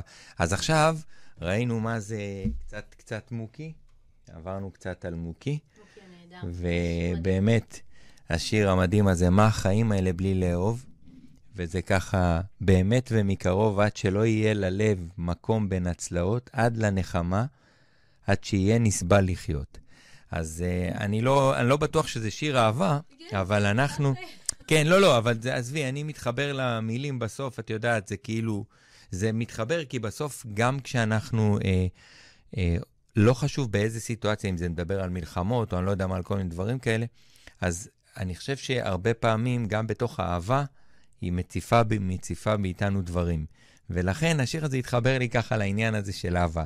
אז באמת, פה אנחנו שואל, שואלים את קרן, איך נדע שאנחנו מוכנים לאהבה, קרן. איך נדע שאנחנו מוכנים ובשלים לקבל אהבה עכשיו? כאילו, את יודעת, אנחנו מתבלבלים. יש עולם של שפע בחוץ, זה נורא מבלבל, ואתה לא יודע אם אתה פנוי או לא פנוי לאהבה, ולפעמים אתה חושב שאתה פנוי ואתה לא פנוי. שאלת השאלות, ממש. כי אני יכולה להגיד שמוקי אמר נסבל לחיות, שיהיה נסבל לחיות. ואני אומרת, הרבה פעמים אנחנו באמת רצים לאהבה, רצים לזוגיות חדשה, בשביל שיהיה נסבל לחיות, כי נורא כואב לנו לבד. כי אנחנו נורא מפורקים, ואנחנו צריכים את זה. אה, אז אני יכולה להגיד שכולנו עושים את זה, וזה בסדר. ריבאונד, לא סתם נוצר המונח הזה. אה, והרבה פעמים אנחנו רצים לאהבה כי זה ריבאונד, כי נורא נורא קשה לנו לבד, כי נורא נפגענו. אבל באמת אחד הדברים שקורים זה אמ, אנחנו צריכים לראות מתי אנחנו באמת מוכנים. וכשאנחנו בהמון המון כעס, בהמון המון כאב, הרבה פעמים האהבה לא תהיה באמת אהבה מתוך מקום גבוה, אלא היא תהיה ריבאונד, אלא היא תהיה פלסטר. אמ, ומערכות יחסים שאנחנו יוצרים מתוך פלסטר, פחות טובות בדרך כלל, אוקיי? דרך אגב, הן יכולות גם להחזיק אה, אה, שנה, שנתיים, אפילו ארבע, אה, אבל עדיין זה יהיה אה, מתוך איזשהו מקום שהוא לא מקום באמת באמת טוב. ואני תמיד אומרת, ליצור, ליצור זוגיות זה לא קשה. ליצור זוגיות טובה, זה מה שאנחנו רוצים לעשות. אנחנו באמת רוצים ליצור זוגיות שהיא תהיה זוגיות אחרת, שהיא תהיה זוגיות משודרגת, מה שנקרא. ו- וזה קורה כשאנחנו משדרגים את עצמנו. כלומר, אה, מתי אנחנו מוכנים? כשאנחנו קצת פחות כועסים, כשאנחנו קצת פחות כואבים. אה, מגיעים אליי גם אנשים שהרבה שנים הם שונאים את הגרוש או הגרושה. הם כועסים עליהם, הם מתעצבנים על כל דבר שקורה שם. אה, אם הם, אם עם, הבני זוג לשעבר אה, מתקדמים לזוגיות חדשה, אז הם במלחמת חורמה שם, אוקיי? כשאנחנו שמה באמוציות האלה, אז אנחנו צריכים להבין, רגע, אנחנו לא במאוזן שלנו, אוקיי? ואז אנחנו לא באמת פנויים, כי אנחנו כל הזמן עם הקשב החוצה. אני ממש שמתי לב ש... ממש בכמה חודשים הראשונים אחרי הפרידה, הוא כבר נכנס לזוגיות אה, חדשה, ו... ואני כל הזמן, המוח שלי הלך לשם, מה קורה שם, מה, מה העניינים שם. ואז אמרתי לעצמי, אופס, רגע, תראי איפה המחשבות שלך. וממש באותם ימים עשיתי ממש פעולה אקטיבית. הלכתי למחשבות ולקחתי אותן חזרה אליי. וממש אמרתי לעצמי, אני לא רוצה לחשוב עליו, אני רוצה לחשוב עליי. אז המחשבות, ובהתחלה הן היו הולכות לשם עשרת אלפים פעם ביום, או מיליון פעם ביום. ולאט לאט, עם התרגיל הזה, החזרתי את המחשבות אליי. כי הבנתי שככל שאני חושבת על הצד השני, אז בעצם אני לא פנויה, אני, אני באיזשהו כאב. דבר אחד, החזרתי את זה פנימה אליי, כלומר, החזרתי את המחשבות אליי. הדבר השני היה להגיד, אוקיי, אז מה אני רוצה? איזה איכות חיים אני רוצה? איך אני מגדילה את איכות החיים בחיים שלי, אוקיי? ואז באמת עשיתי מה, ש... מה שאתה אומר. יצאתי וביליתי, והיו לי חברים, ותודה לאל, יש לי מיליון חברים, באמת באמת אוהבת כל אחד ואחד מהם. וביליתי, והשקעתי בעצמי, והשקעתי בבריאות, והשקעתי בספורט, והשקעתי בכל הדברים שאני אוהבת לעשות. וזה... בעצם מכוון אותנו להתמקד בנו, וכמו, אה, כמו, לאח, אה, אני קוראת לגוף שלנו לפעמים כלי. אז הכנתי את הכלי לזוגיות חדשה, לזוגיות טובה יותר.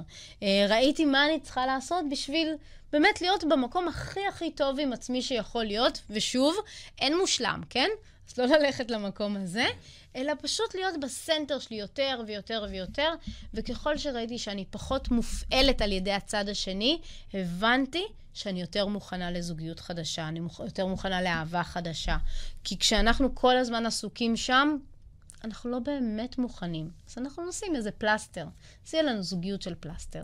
אני מאוד מאוד uh, התחברתי להקשר הזה שאת מדברת על, uh, על uh, לאן, לאן המבט שלך מופנה.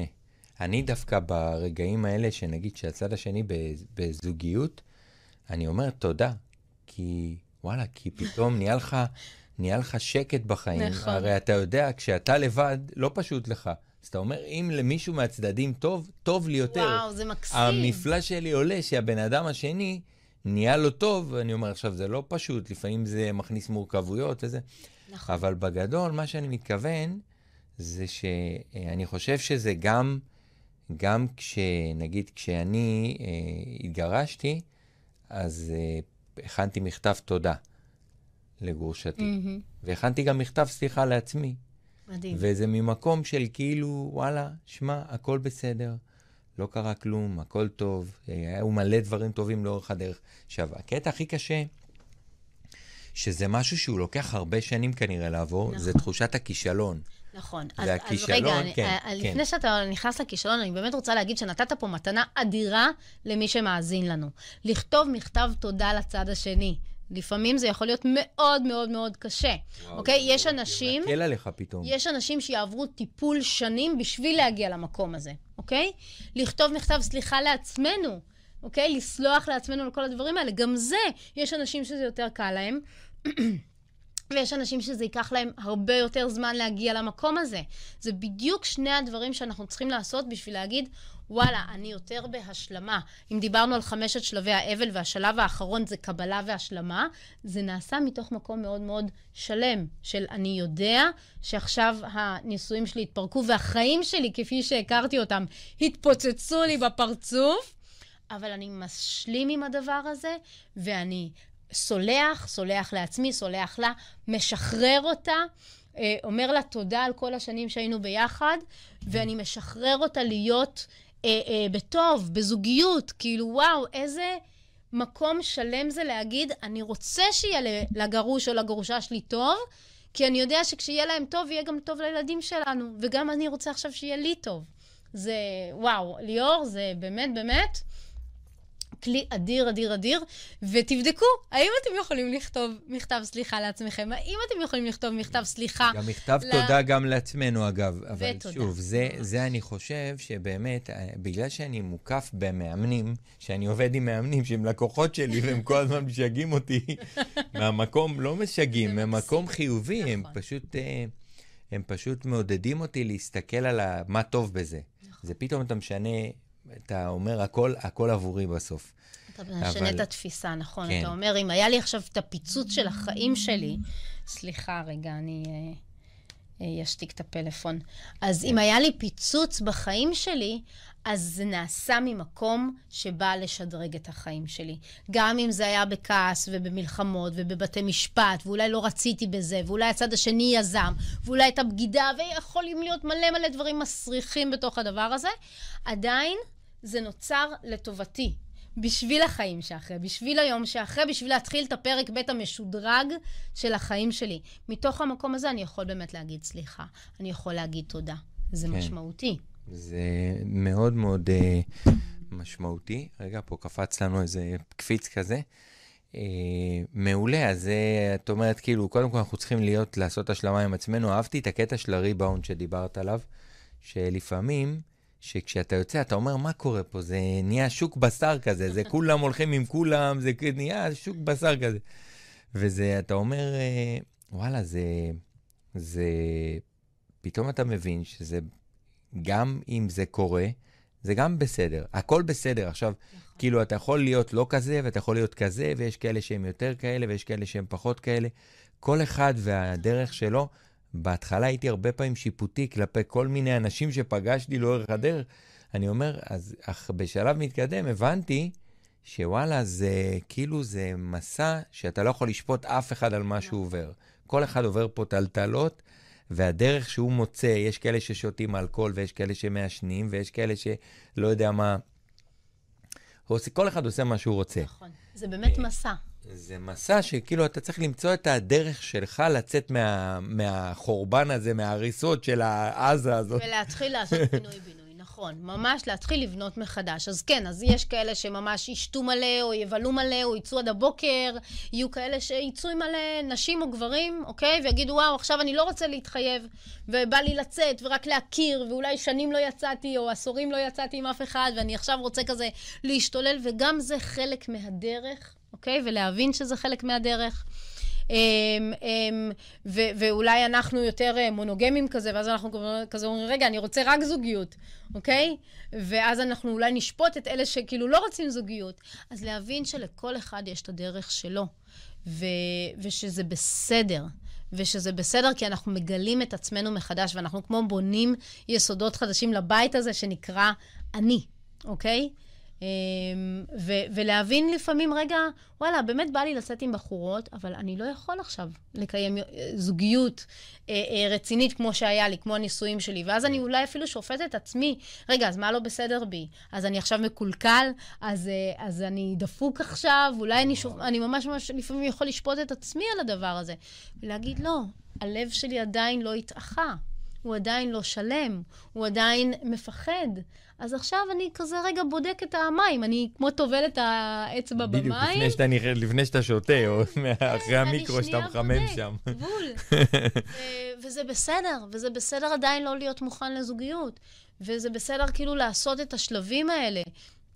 ואת הצעדים האלה, כזה baby steps, אני קוראת לזה, צעד אחר צעד אחר צעד, אה, אה, להגיד, אוקיי, אני, אני מתכונן, אני מכין את עצמי, אני לומד, אני צומח. יש לי המון נשים שאומרות, וואו, קרן, פתאום למדתי על עצמי מחדש. אוקיי, פתאום למדתי שאני אוהבת אה, לרקוד, ו- והלכתי לרקוד שוב. או שאני פתאום אה, משקיעה בגוף שלי, הרבה גברים ונשים. כזה אומרים, וואו, פתאום יש לי זמן להשקיע בעצמי. אה, מה שהרבה פעמים בנישואים אנחנו שוכחים להשקיע כן. בעצמנו. כן, כן זה מרוץ החיים. אני חושב שכשאתה בתוך ה... בתוך המרוץ של החיים, בייחוד שנגיד אם אתה ב, בתוך בית וצריך את כל התפעול מסביב, ופתאום כשאתה מתגרש, אז יש לך איזה אולי יום פה, אולי יומיים פה, לפעמים, יש תקופות שאין לך ימים, mm. כאילו, יש תקופות שילדים מטלטלים אותך קצת וזה, ועושים מה שהם רוצים, אבל uh, אני אומר בגדול, uh, יש לך את הפנאי פתאום להיות עם עצמך, שאולי לפני כן לא היה לך את הפנאי הזה. אה, גם אם היית, אבל זה לא היה באמת פניות. כאילו, פתאום אתה, יש לך את הזמן לשקט. אז uh, מאוד, uh, מאוד מעניין. אפילו בזוגיות פרק ב', דרך אגב, uh, תמיד בהתחלה אני, אני כזה מראה למלוות שלי ש, שיש התלהבות מאוד מאוד גדולה מהקשר, ואנחנו דביקי כאילו לפעמים בהתחלה מאוד, כזה בימים של הילדים אנחנו לבד, אבל בימים השאר אנחנו מאוד מאוד דבוקים. ואז אחרי תקופה גם מגיע הרגע שאנחנו פתאום אומרים, אה, רגע, אני כבר לא רוצה להיות רק שם, אני גם רוצה רגע לחזור לחברות שלי, או לחזור לתחביבים שלי, או לעיסוקים שלי. כלומר, אנחנו לומדים מה שלא היה בהכרח בפרק א' שלנו, אנחנו לומדים לקחת זמן לעצמנו. אנחנו לומדים להיות קשובים לרגעים שאנחנו צריכים להיות עם עצמנו. כלומר, בזוגיות פרק ב' הזאת, אנחנו לא עושים את, את אותו דבר שעשינו בזוגיות פרק א', אלא אנחנו לומדים מה, מה יותר נכון לי. וזו, וזו הצמיחה, זו ההתפתחות. להגיד, רגע, אני רוצה להשקיע בקשר, אבל חשוב לי להשקיע גם בעצמי. ואני היום, כשאני לומדת זוגיות, וזה רוב מה שאני עושה היום, כשאני מלמדת זוגיות, אני אומרת, כמו היס, האבן הראשונה, או המדרגה הראשונה, היא המדרגה של האני. אז קודם כל אני משקיע בעצמי, למלא את עצמי, למלא את הצרכים שלי, להקשיב לה, אה, לצרכים שלי ולמלא את אותם משאבים שאני צריך, ורק אז יהיו לי משאבים לזוגיות. ושם אני מלמדת תקשורת ואני אתקשר יותר נכון, אז אני אתקשר גם מה אני צריך, מה אני צריכה. ואז אני גם אקשיב לשני. אולי השני צריך את הימי שני שלו לכדורסל עם החבר'ה, אוקיי? אז פתאום אני אבין, אה, אוקיי, האהוב שלי, האהובה שלי, צריכים ממש את הזמן הזה עם עצמם. כלומר, תהיה יותר פניות לעשות מה שדרך אגב בפרק א' לא, לא תמיד. בדיוק, זה מה שבאתי להגיד. שמה שיכולת לעשות בפרק א', זה לא בהכרח משהו שאתה יכול לעשות, כי אתה יודע שיש לזה, אתה יכול, אבל יש לזה מחיר, אתה לא תהיה בתוך uh, זה. נכון. זאת אומרת שלפני כן לא לקחת בחשבון את המחירים, נכון. ועכשיו אתה כבר יודע מה המחיר טוב. וגם יש לך אצבע קלה על ההדק, כי אתה יודע כבר איך זה היה לפני כן. בפעם הראשונה זה הרבה יותר קשה לפרק. אני רואה אנשים שיש לי, לי לקוח, לקוחה נשואה mm. פעם שלישית. לקוח התגרש פעם שנייה בזוגיות שלישית. מכל... uh, כל uh, uh, אישה הוא מפזר גרושות בכל. מפזר ילדים בכל הארץ. אז אני אומרת, לפעמים האסימון נופל מאוחר מדי, או לא נופל בכלל, אבל בגדול, האצבע הקלה על ההדק זה כי יש לנו כאב, אוקיי? אנחנו כאבנו את הזוגיות הראשונה, ואנחנו מפחדים שהזוגיות השנייה תהיה כמו הזוגיות הראשונה, אז הרבה פעמים אנחנו ממהרים להיפרד, אוקיי? אבל מה שאנחנו צריכים להבין זה שפשוט יש חוקים וכללים. אמרת system, יש system לאיך זוגיות יכולה לעבוד בצורה טובה. אוקיי? אם אני אקשיב לצרכים שלי, אם אני אקשיב לצרכים של הבן או בת זוג החמודים שלי, אוקיי? הרבה פעמים אנשים מאוד חונקים בתוך מערכת יחסים, או מאוד מרגישים חנוקים בתוך מערכת יחסים. אבל זה גם תגובה של ריאי, אני אסביר לך, זה תגובה, מה הכוונה? נכון. כי אם לפני כן לא מצאת את הפניות לבת זוג שלך, פתאום נגיד שאתה פוגש בת זוג, אתה אומר, אוקיי, אני אהיה יותר פנוי, אז אני אתייחס יותר, אז אני אצלצל יותר, אני אדבר, פתאום אתה עושה כל מה שלא עשית קודם. נכון. דיברנו על זה קודם. על הקטע של ה over, over, הצד, פתאום אתה נהיה מהסקאלה, מה שנקרא. נהיית מלא פעיל ל-100 170 נכון, אחוז פעילות. נכון. אז עכשיו, אנחנו הרי מבינים ש, שזה משהו שאתה לא יכול להחזיק אותו, הכלי שלך, בדיוק. אפרופו... זה הכ... לא יחזיק לאורך זמן. כן, הכלי עכשיו, יש לך כלי של 140 מיליליטר, ואתה רוצה להכניס בתוכו 2.5 ליטר. לא נכון. לא ייכנס, לא יעזור נכון. כלום. עכשיו, מתישהו כבר ימאס לך ואתה תגיד, וואלה, לא רוצה בדיוק. את הכלי הזה, די, זה כבר מטלה, זה לא... זה מעמסה נכון. עליי. אז באמת להבין שאני קופץ מקצה אחד לקצה השני, ולאט לאט אני מגיע לקו האמצע. כלומר, אה, אם הייתי קיצוני וכל הזמן התקשרתי וזה וזה, בסוף האוטומט שלי זה פחות להתקשר, ויותר כזה להיות נורא עם עצמי, אוקיי? גם אם בהתחלה הייתי דבק לצד השני. אבל החוכמה היא והדרך שבה מערכת אה, זוגיות פרק ב' תחזיק מעמד, זה כשאני אתקשר את הצרכים שלי לצד השני. להגיד לבת הזוג המתוקה שלי, יו, ממי, אני מה זה צריך עכשיו את הערב לעצמי? אני, אני צריך, צריך שנייה את המערה שלי. אני צריך, צריך שנייה להשתבלל בתוך הדברים שלי והעיסוקים שלי, אולי עם חברים, אבל אולי ממש ממש עם עצמי. וזה דבר שמציל מערכות יחסים, אוקיי? לדעת לתקשר את עצמי, למרות שאולי תיעלב, ואולי לא תבין, ואולי תיפגע, אבל להיות אמיתי, להיות נאמן לאמת שלי. וכשאני נאמן לאמת שלי ואני מתקשר את זה בצורה מתוקה ורגיל, ו- ו- ונעימה לצד השני, הצד השני לאט לאט יבין את זה ולאט לאט יכבד את מה שאני צריך. תגידי, מה את חושבת על קטע של שידוכים? אה, אז קודם כל, שידוכים זה דבר נפלא. כי מה אוקיי. עשו בעצם פעם? פעם האשכנזים הלכו עם אשכנזים, נכון? נכון אני לא ממש נתנו, לוקחת כן. את זה רגע לא, נכון, לקיצון. נכון, לקהילות. היי, למה? כי כדי לשמור על הקהילה, על הקהילתיות. לא רק, לא רק. ידעו מי המשפחה, מי הזה, נכון, מי הילדים. וידעו שהערכים הם בערך אותם ערכים. נכון. אוקיי? עכשיו, לא, אני לא בעד, אוקיי? אצלי אני שחורה והצד השני הוא לבן, כן? הכל בסדר. אוקיי. אבל מה שאני מנסה להגיד זה שבשידוכים של פעם הערכים היו אותם ערכים. ולכן כשחברה משדכת לי מישהו, אני יודעת, אה, הוא עבר סינון כן, שלה. עבר שלה. אם הוא חבר שלה, זה אומר שהוא אה, עבר איזשהו סינון אה, מקדים, אוקיי? כשאנחנו עושים שידוכים, אנחנו בעצם אומרים, הערכים שלו פחות או יותר מתאימים לערכים שלי. ולכן יש יותר סיכוי שזה יתאים. נכון, אה, פעם אמרנו הפכים נמשכים, אז במידה מסוימת עדיין הפכים נמשכים, אבל היום אני אומרת, דומה מושך דומה. זה כלומר, יותר נוח. כן. Mm. היום למשל, אני בן אדם שממש אוהב לבלות ולטייל ול- ולצאת, ואחד הערכים שלי זה טיולים. אוקיי? טיולים עם הבן שלי, קמפינגים, אה, אה, נופשים, טיולים בארץ, הכרת הארץ. אני לא אקח אדם, כמו הגרוש שלי לצורך העניין, שכל מה שהוא עושה זה יושב בבית כל היום. אבא לב ואימא לב. אני לא יכולה היום יותר להיות עם בן אדם כזה, אוקיי? אני יודעת שזה ייצור חיכוכים. אז שוב, דיברנו על קצוות. אז אני אולי אמשוך בן אדם שגם מאוד, מאוד, מאוד אוהב את הבית, אבל לא ברמה קיצונית, אוקיי? כלומר, לראות, שאני כן. אבוא לקראתו והוא יבוא לקראתי. כן. משהו באמצע. וואו, זה, תשמעי, אז, אז את יודעת מה, דווקא כי דיברתי איתך על שידוכים לא סתם, כי יש את החתונמי. אוקיי. ואנחנו רואים בחתונמי, אני ראיתי נגיד את העונה האחרונה, וכמה עונות היו עד עכשיו? לא יודעת. ארבע לדעתי. אני חייבת שאני לא עוקבת באדיקות, אבל כן.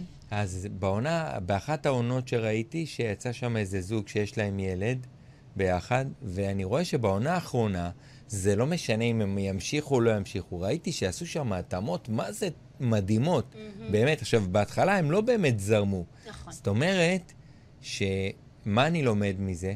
שדווקא לפעמים, כשמשהו הוא לא נראה הדבר הזה, וכשאתה, נגיד, מאלצים אותך, כמו בשידוך, שמאלצים מדהים. אותך להכיר את הבן זוג, אז אה, אין לך ברירה, אין לך ברירה, אתה חייב למצוא את הדרך להסתדר איתו, למצוא את המחנה משותף.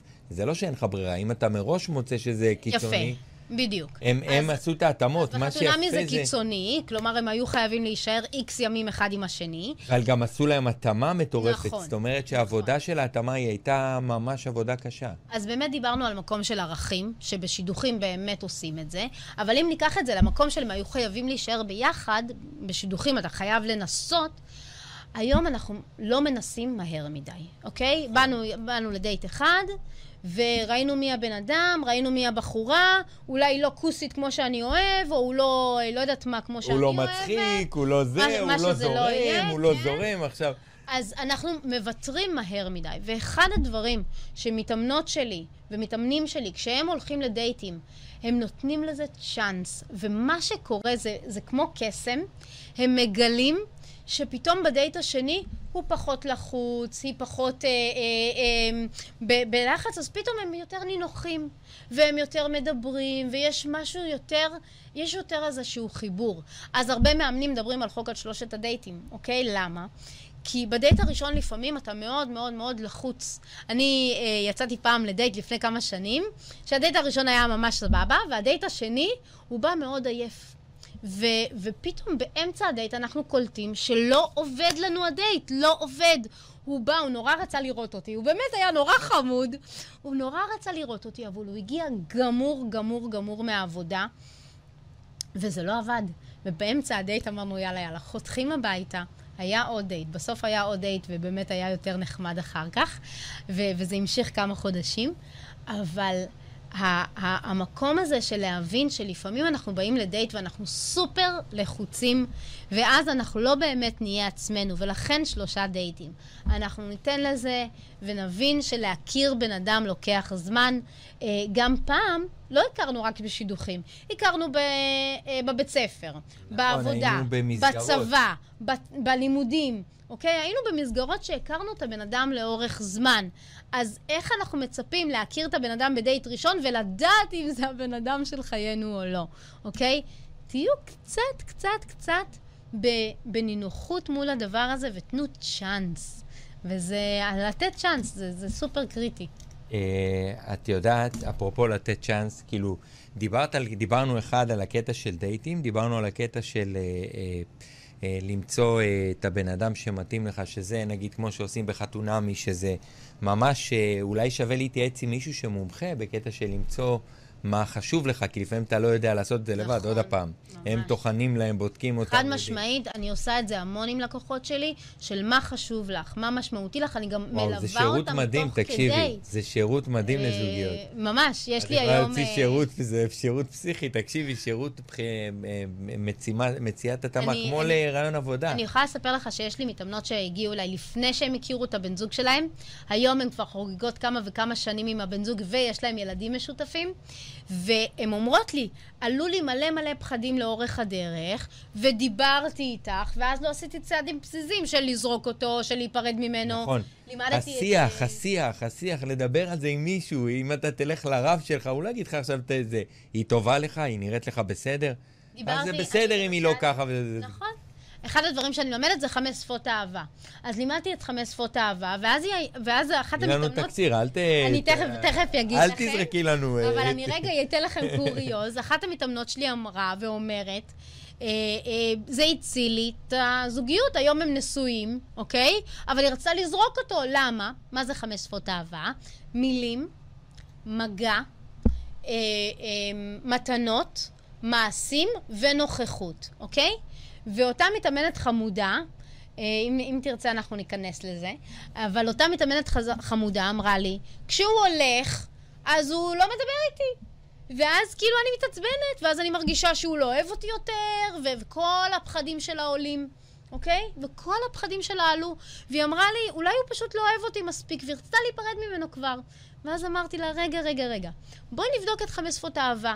ואז היא אמרה, הוא באמת פחות מדבר מילים. כאילו, יותר כשאנחנו נפגשים, אז הוא יותר כזה מחבק אותי, ומחזיק איתי ידיים, וכזה מלטף אותי לפעמים סתם ככה כשהוא עובר לידי במטבח. ואז אמרתי לה, ומה לגבי כאילו מילים? הוא אומר לך שהוא אוהב אותך וחמודה, וממי אומרת לי, לא, זה פחות השפה שלו. אז שימו לב שכשהוא רחוק ממנה, הוא לא יכול לתת את המגע, אוקיי? אז פתאום השפה הזאת של המגע לא נמצאת, אז היא מרגישה כאילו הוא לא אוהב, אוקיי? ופתאום שם היא הבינה כמה הוא גם מעשים, הוא עושה למען ההמון, והוא דואג לה, והוא אומר לה, אה, חשבתי עלייך לאורך היום ועשיתי ככה וככה. אה, וואו, מעשים דרך אגב, זה הכי השפה שעוברת מתחת לרדאר. אנחנו הכי לא שמים לזה כן. ומתרגלים לב, מתרגלים לזה ממש ממש מהר. אז פתאום היא שמה לב שהוא עושה למען ההמון, הוא אה, אה, עושה, אה, נוגע הרבה, שזה שפת המגע. אוקיי? אבל שפת המילים זה לא השפה שלו, ושפת המילים זה ממש שפה שהיא ממש זקוקה לה. אוקיי? אז פתאום אנחנו לומדים לדבר את השפות של הצד השני. מסכימים להקשיב לשפות של הצד השני, וזה עוזר לנו אה, אה, לצאת מהקיבעונות שלנו וגם מהפחדים שלנו. וואו. את יודעת, אה, ככה, ל, אני לא יודע, אולי לקראת סיום עוד מעט, נסיים מתישהו בקרוב. אני למשל הסתכל, חשבתי עכשיו נגיד על הקטע של היכרויות, נגיד אז יש אחד, זה נגיד, אה, אפרופו שידוכים, כאלה, כל מיני, אני לא יודע, אני לא, לא נתקלתי בזה, איך זה עובד בחוץ, אבל אני רואה שוואלה, המערכות האלה של החתונמי וכל האתרים האלה, הם יודעים למצוא אה, זוגיות. זאת אומרת, זאת אומרת, זוגיות זה משהו שהוא פתיר. במובן נכון, מסוים. נכון. אפשר למצוא זוגיות אם אתה מוצא את הבן אדם הנכון שיודע למצוא את המנגנון, וגם אם זה לא מצליח, בסדר, זה סביר להניח שאם תעשה את זה לבד, תעשה את זה הרבה, טעויות, הרבה יותר טעויות. נכון, זה עוזר. אה, זה אחד. אה, דבר שני, דיברת על קהילתיות. בתחילת השיחה דיברנו על קהילתיות. זאת אומרת שיש את הגימלים ואת ה... את הפלוסים, ואת הגרושים סבירים, לא. וכל מיני כן. חרטוטים כאלה. והקטע הבעייתי בתוך הקהילות האלה, שנגיד אתה נמצא בתוך קהילה, אז זה נהיה כמו, אני כבר מכיר את זה מכל מיני חברות וחברים, שהם בתוך סרט, ואז ההיא עוברת עם ההוא, ואחרי זה עם ההוא, ואחרי זה עם ההוא, ואחרי זה עם ההוא, ואז עם ההוא, ואז זהו, כבר נגמר הסיפור, ואז היא לא רוצה לבוא לשם, לא רוצה לראות אף אחד יותר, וכבר היא מתביישת להתקרב למקום הזה בכלל. אז, אה, אז זה כאילו אה, כל הקהילתיות הזאת היא קצת אה, לפעמים הופכת להיות כמו קיבוץ, אבל זה קיבוץ קצת לא, לא כזה... אה, קיבוץ של... אה, של... אה, שרצים ישר, מה שנקרא, לחבר'ה, שני הצדדים. אז שימו לב שרוב האנשים, מתוך המקום של אני צריך זוגיות, מצוקה, זהו, זה מצוקה. אז מנסים עם זה וזה וזה נכון, וזה וגם וזה. המצוקה גורמת להם לפעול, כאילו, הם רוצים להחצין את הזוגיות, אז הם ישר רצים להחצין את הזוגיות. ממש, נכון. נכון. וכל פעם שאנחנו רוצים להחצין את הזוגיות, אנחנו רוצים רגע לעצור, בסדר? ולהגיד, למה אני רוצה להחצין את הזוגיות? אולי אני רוצה להראות לכל העולם שהנה עכשיו אני בסדר, ועכשיו יש לי זוגיות, ועכשיו טוב לי, אוקיי? ואנחנו צריכים רגע לעצור לפני הפעולות האוטומטיות, בכלל, בכללי. כל פעם שיש פעולה אוטומטית, ברגע שאנחנו עושים רווח בין ה... אה, אה, מה שקורה לי בפנים לפעולה האוטומטית שלי, אני מתחיל להכניס בינה. אני מתחיל להכניס איזושהי התבוננות ותודעה לתוך הדבר הזה. אז אני לא ירוץ ואולי אה, אה, אה, אצא עם כל הגברים בקבוצה, אוקיי? או אולי אני לא אצא ואני... אה, אה, יחצין את הזוגיות עם כל גבר בקבוצה, כי רגע אני אגיד, אוקיי, אני נחמד לי כרגע, טוב לי בזוגיות, אבל אני עדיין בשלב שמברר, ועדיין בשלב של ההיכרות, וזה עדיין לא אומר שאם יש לי זוגיות זה עכשיו יהיה לכל החיים. כלומר, אני רגע נושם. אני, אני רגע מאזן את עצמי, אני מווסת את עצמי לפני שאני פועל. ואני חושבת שזו נקודה מאוד מאוד חשובה. עכשיו, גם בקבוצות, אמרנו, המקום הנואש הזה של איתו ואיתו ואיתה, או איתה ואיתה, כאילו, רגע, אני באמת מכיר את הבן אדם הזה? אני, בוא, בוא נחזור רגע אחורה, לכמו בית ספר. בבית ספר, אז הכרתי את הילד הזה או את הילדה הזאת לאורך זמן, ורק אז החלטתי אם הוא מתאים לי, אם היא מתאימה לי, אם אני רוצה להיכנס איתם לזוגיות או לא. בואו רגע ננשום, ו- ו- ולא נרוץ קדימה כל כך מהר. כי כשאנחנו רוצים קדימה, אנחנו עושים טעויות, ואני ממש, מגיעים אליי מלא מלא אנשים לקליניקה שרצו קדימה, ורק בדיעבד, חוכמת הבדיעבד, אמרו, וואו, הבן אדם הזה או האישה הזאת ממש ממש לא היו מתאימים לי. כאילו, כן. עשיתי את זה מתוך איזשהו לחץ והיסטריה פנימית. אז בואו נרד רגע מההיסטריה ונכיל רגע את הלבד שהתחלנו אותו בתחילת המפגש, נכון. אוקיי? מתי זה היה? אתמול כבר? לא, אתמול באנו לפה, זה מאתמול. אז, אז נכיל רגע את הלבד ולא נפחד מהלבד הזה. קרן, מתי יש הפסקת אוכל? ממש. טוב, אז תשמעי, אני רוצה להגיד לך עוד כמה דברים ככה, כדי שאנחנו כבר כן, נסגור כמעט שעתיים, ואחרי כן. זה אנחנו נסיים. אה, אה, רגע, אני אשמח שהמזגן ככה נווסת אותו קצת, או נסגור אותו קצת. למה אני על זה? אבל רגע, אנחנו צריכים פה להגיע לעמק השווה בזה. זה פה עכשיו, איך אנחנו, רגע, אבל אני רוצה טמפרטורה נמוכה. זה בדיוק... ומה אנחנו עושים? איך אנחנו מגשרים? מה? זה בדיוק הגישור שצריך לעשות בזוגיות. מה, איך את מגשרת על המזגן? תגשרי.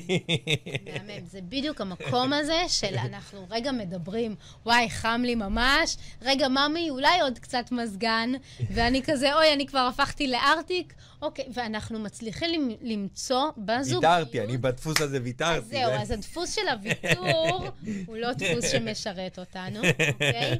כי כשאנחנו בוויתור וויתור וויתור, אז אנחנו לא... בעצם בסופו של דבר, אז אנחנו כאילו כבר, כבר נוותר יותר מדי, כבר יקדשו המים. אה, אה, אה, נגיע, כן, ל, נגיד לרוויה. מצד שני, אנחנו צריכים גם, אפרופו, לראות נגיד את הצד השני. עכשיו אני פה, במקסימום אני אזיע, אבל במקרה הכי גרוע, את תהיי לי גוש קרח פה, אז, אז אני אותך. אז אנחנו אה, נפעיל אה, ונכבה את okay. אוקיי. המזגן לסירוגין. אנחנו נמצא את הטמפרטורה שמתאימה לשנינו. בעצם אנחנו רוצים בזוגיות טובה להיות קשובים לש... לצרכים של שני הצדדים ולמצוא ווין ווין. הרבה פעמים אנשים לא חושבים שאפשר למצוא ווין ווין, ולכן הם כל הזמן יגידו, אה, אז אני אוותר בשביל הזוגיות הזאת, ואני אוותר ואני אוותר, או אני אקריב, אוקיי? Okay? וזה לא מקום שנכון להיות בו, כי כשאני מוותר לאורך זמן, בסוף אני מוותר על עצמי. אנחנו רוצים להיות קשובים לצורך הזה בתוכי, ולמרות שלפעמים אנחנו נחשוב שאין פתרון, אנחנו נבוא לצד השני ונגיד, ממי שלי, בוא נמצא פתרון. בוא נמצא פתרון שעובד לשנינו. וכשאנחנו מדברים את זה, הפתרון בסופו של דבר נמצא יש מאין. וזה אולי המקום הכי טריקי בזוגיות, שאני מלווה זוגות להגיע אליו. והרבה פעמים גם לי כאשת מקצוע לא יהיה את הפתרון. הפתרון יגיע מתוך שני בני הזוג החמודים שישבו בקליניקה וידברו את הקושי שלהם שוב ושוב ושוב ושוב, אבל מתוך הרצון הטוב ההדדי הזה, בסוף זה יימצא. וזה יהיה כמו קסם. אז שאלה ככה בהקשר הזה. האם זה לא יותר מדי לחשוב? כי כאילו כל הזמן אתה מתחשב ואתה חושב כל הזמן, אתה כל הזמן חושב על הפעולה. זאת אומרת שאתה אף פעם לא פועל על אוטומט. נכון. עכשיו, בינינו, אנחנו אנשים. רוב האנשים, אה, יש להם אוטומט, שעכשיו אתה תופס את האוטומט, בסדר, אז הוא מתישהו עכשיו אני תעשי איזה צעד, כבר די, מעצבן אותי, אני אתפרץ עלייך, כי אני, די, האוטומט הזה צברתי, צברתי, צברתי, צברתי, בום, מתפוצץ, אוקיי? נכון. אז איך, איך בכל זאת, בזוגיות טובה, אתה לא יותר מדי חושב, כי יש, יש את המשהו הטבעי, שאני רוצה לפעול בטבעיות, ולא להיות כל הזמן ב... כל הזמן לצאת באזור הנוחות, זה אז, ה... אני, אז אני אשאל אותך כן. שאלה. כן. אוקיי? באיזה סיטואציה אתה תרגיש יותר בנוח, אוקיי? בסיטואציה שאתה יודע שאם לבת זוג שלי אה, מפריע משהו, היא לא תדבר, והיא לא תגיד לי, ואז אני כל הזמן צריך לשאול אותה, לבדוק איתה, לדאוג לה, אה, לראות שהיא בסדר, אוקיי? או בזוגיות שאתה אומר, וואו, אם לבת זוג שלי יפריע משהו, היא תגיד לי. ואז אני, אני יכול להיות רגוע, אני יכול שנייה לנוח על זרי הדפנה ולהגיד, אם לה, לאהובה שלי אה, לא נוח עכשיו, היא תגיד לי. אז, אז, אני, אז אני יכול להרפות רגע, אוקיי? כן, נראה לי שזה כזה, יש משהו במה שאת אומרת. אני חושב שזה צריך אה, באמת למצוא את האיזון, זה אפרופו האיזונים, כי גם יותר מדי, כאילו, כל הזמן שאנחנו, הדיבורי היתר האלה, דיבורי סרק שלנו, בדיוק. שכאילו אנחנו מתמקדים באיזושהי פעולה טכנית, אנחנו מדברים על הפעולה הטכנית, אז אנחנו מוצאים את עצמנו בשיחות, מצאתי את עצמי בכל מיני סיטואציות כאלה, שאתה מוצא את עצמך בשיחות כאלה, שוואלה, פתאום הופכת להיות שיחות טכניות כאלה, זה לא כיף. אז יכול להיות איך- שאנחנו נכנסים ללופ ואנחנו לא יודעים לפתור את זה, אוקיי. אוקיי? וכשאנחנו לא יודעים, לא, לא יודעים לפתור את זה, ואנחנו מרגישים שאנחנו בלופ, אנחנו נלך לאיש מקצוע שיעזור לנו לראות עוד זוויות ראייה, אוקיי? אבל בתכלס, אנחנו לא נפסיק לדבר על זה כי לא נוח לנו. כי זה שהפסקנו לדבר על זה, זה לא אומר שזה הפסיק להפעיל אותנו מבפנים. אוקיי? ואם זה מפעיל אותנו מבפנים ואנחנו לא מדברים, מה יקרה? לאורך זמן אנחנו נתרחק מהבן נכון, אדם נכון. שאנחנו רוצים להיות איתו בזוגיות, כי זה כבר יכאיב לנו, אוקיי?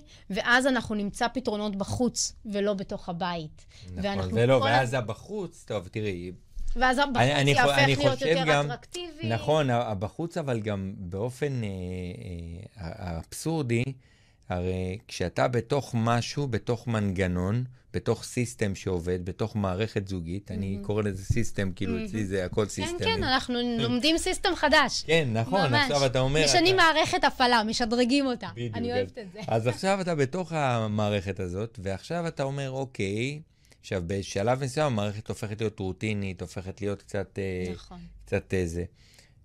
אה, אז יש פה את המאתגר, כי תמיד יש לך את הבחוץ, הוא יותר אטרקטיבי, יותר מגניב, אתה מקבל יותר מחמאות אולי. תמיד הדשא מקבל- של השכן נראה יותר טוב, אוקיי? איך, איך אתה לא יודע שאתה מתחיל לפזול לדשא של השכן ואתה לא מתעסק בדשא כשאנחנו שלך? פוזלים לדשא של השכן, זה אומר שמשהו בזוגיות שלי לא עובד. רוב האנשים בפרקי ב', מה אומרים? לא עובד, יאללה ביי. נכון? אוקיי. כי זה מה שהם למדו. כן, אבל היות ואני היום יועצת זוגית, אני מבינה, ולא סתם הלכתי ללמוד את זה. אמרתי, אני רוצה לדעת, לא איך עכשיו כל אה, שנתיים שיהיה לי חבר חדש, זה לא העניין. אני רוצה לדעת איך אפשר לאורך שנים להחזיק מערכת יחסים טובה, שאני לא סובלת בה, שטוב לי בה, אוקיי? אני מאמינה ב-forever, כזה. והרעיון הוא... אה, כשאני פוזל החוצה, זה אומר שלא טוב לי, זה אומר שלא דיברתי על משהו. אז אני אבוא ואנסה לדבר עם האהובה שלי או עם האהוב שלי, אוקיי? ואם אני לא מצליח לפתור את זה איתה או איתו, אז אני אלך למישהו חיצוני שיעזור לנו לדבר, כי הרבה פעמים זה יושב על כל מיני דברים שבכלל לא היינו מודעים אליהם. אוקיי? על כל נכון, אתה מיני... לא מודע, כאילו, אתה אומר, הוא הצד השני, אתה לא רואה את, ה... את זה שזה עכשיו, ההוא קצת נהיה מריר על משהו שזה מפריע לו.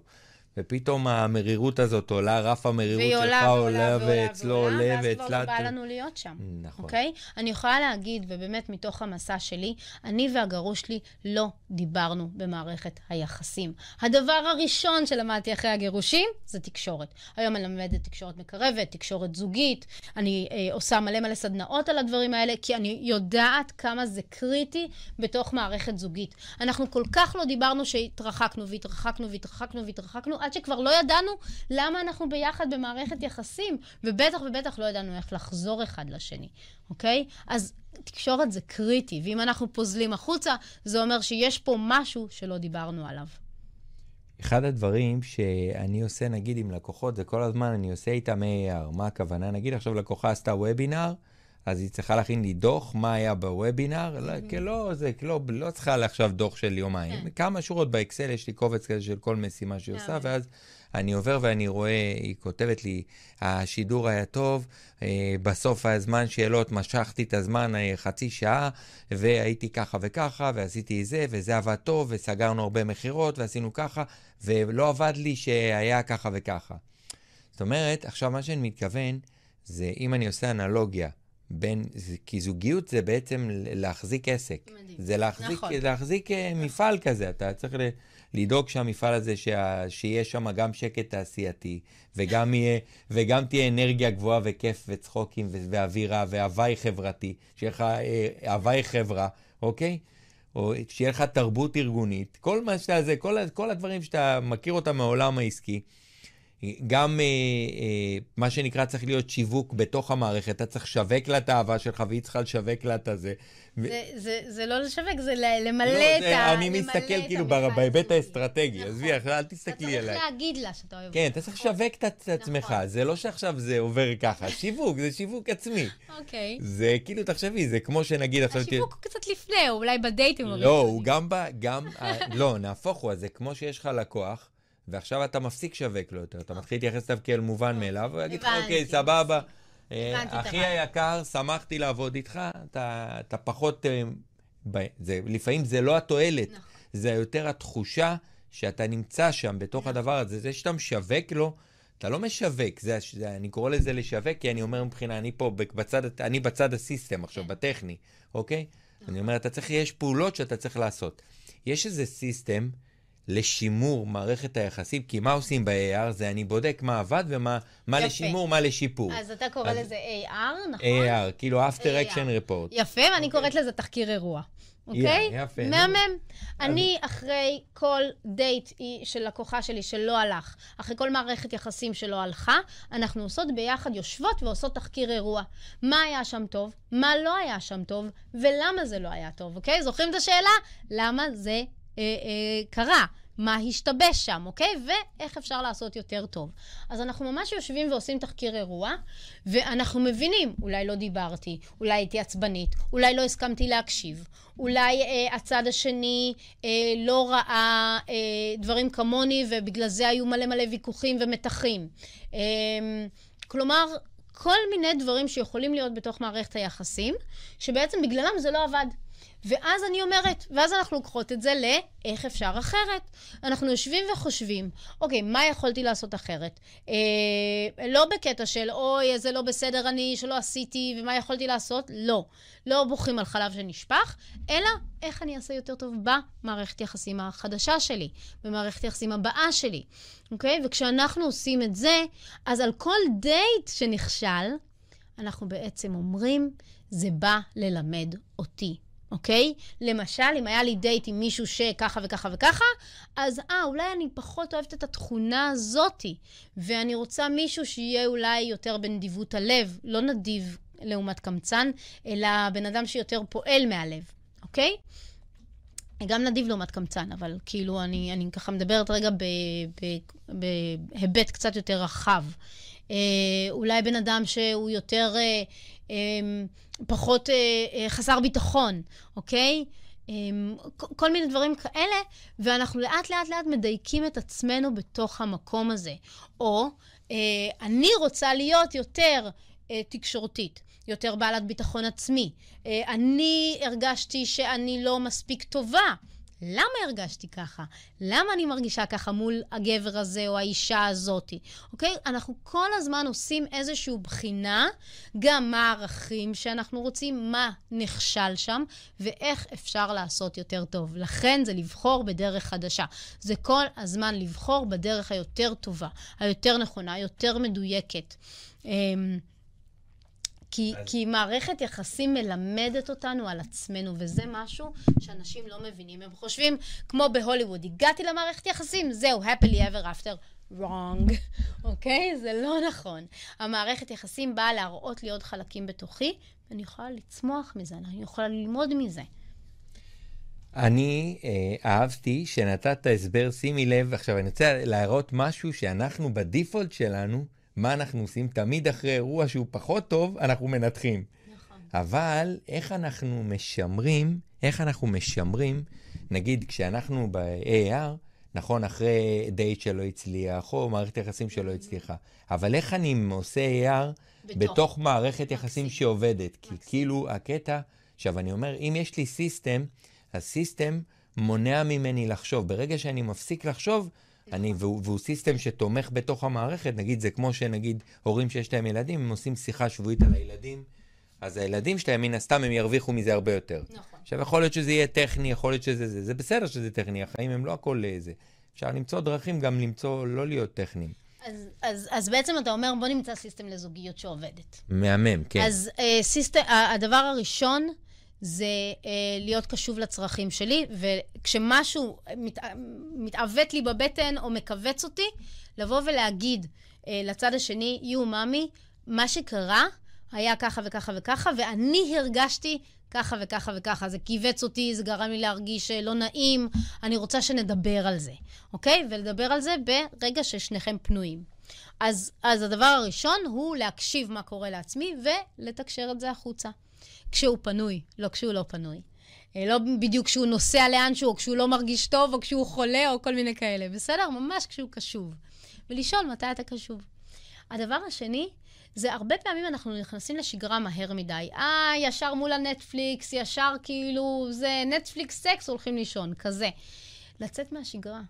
לעשות דייטים שמוציאים אותנו מהשגרה, שאומרים, רגע, עכשיו אני יושב במרפסת, וזה לא חייב להיות בחוץ, אני יושב במרפסת עם כוס יין ושתי כוסות, ואנחנו מדברים, אוקיי? זה שובר שגרה, כי נורא נורא קל לרוץ לתוך הנטפליקס ולשגרה שלנו, ממש. אוקיי? עכשיו אני בוחר אה, ללכת לבית קפה ולשבת בבית קפה, או אם אני לא אוהבת בית קפה, אז בעגלת קפה, בטבע, אוקיי?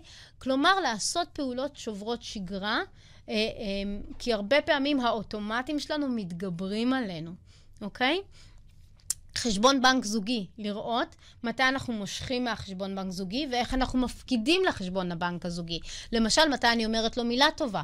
כי יכול להיות הרבה גברים אה, חמודים ומתוקים, אה, הם תמיד מפרגנים לבחורה ותמיד אה, אה, מביאים לה מתנות קטנות וזה וזה וזה.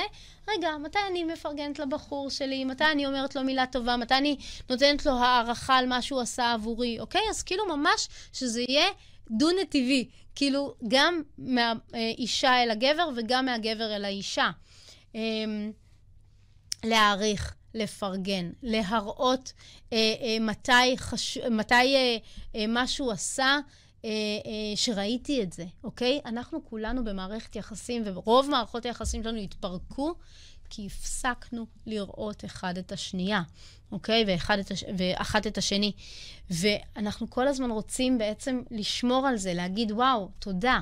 תודה, לא לקחת כמובן מאליו את מערכת היחסים שלנו, וכל הזמן להגיד תודה על מה שעשית עבורי, אה, ולעשות למען. אז אמרנו, חמש שפות אהבה. אה, מילים, מילים תומכות, גם אם הם לא חייבים להגיד אה, מאמי וכפרה ואני אוהב אותך כל שנייה, אבל כן להגיד מילים תודה. אני אגיד את החמש שפות. יאללה, לך. מילים, מגע, מתנות, מעשים ונוכחות. יופי. עכשיו מתנות, יפה. לא כולם נותנים מתנות. אוקיי. אוקיי? אז להגיד, אה, נגיד היה לי בן זוג חמוד ש, שהוא ממש אוהב לתת מתנות, אבל אני לא בן אדם שנותן מתנות.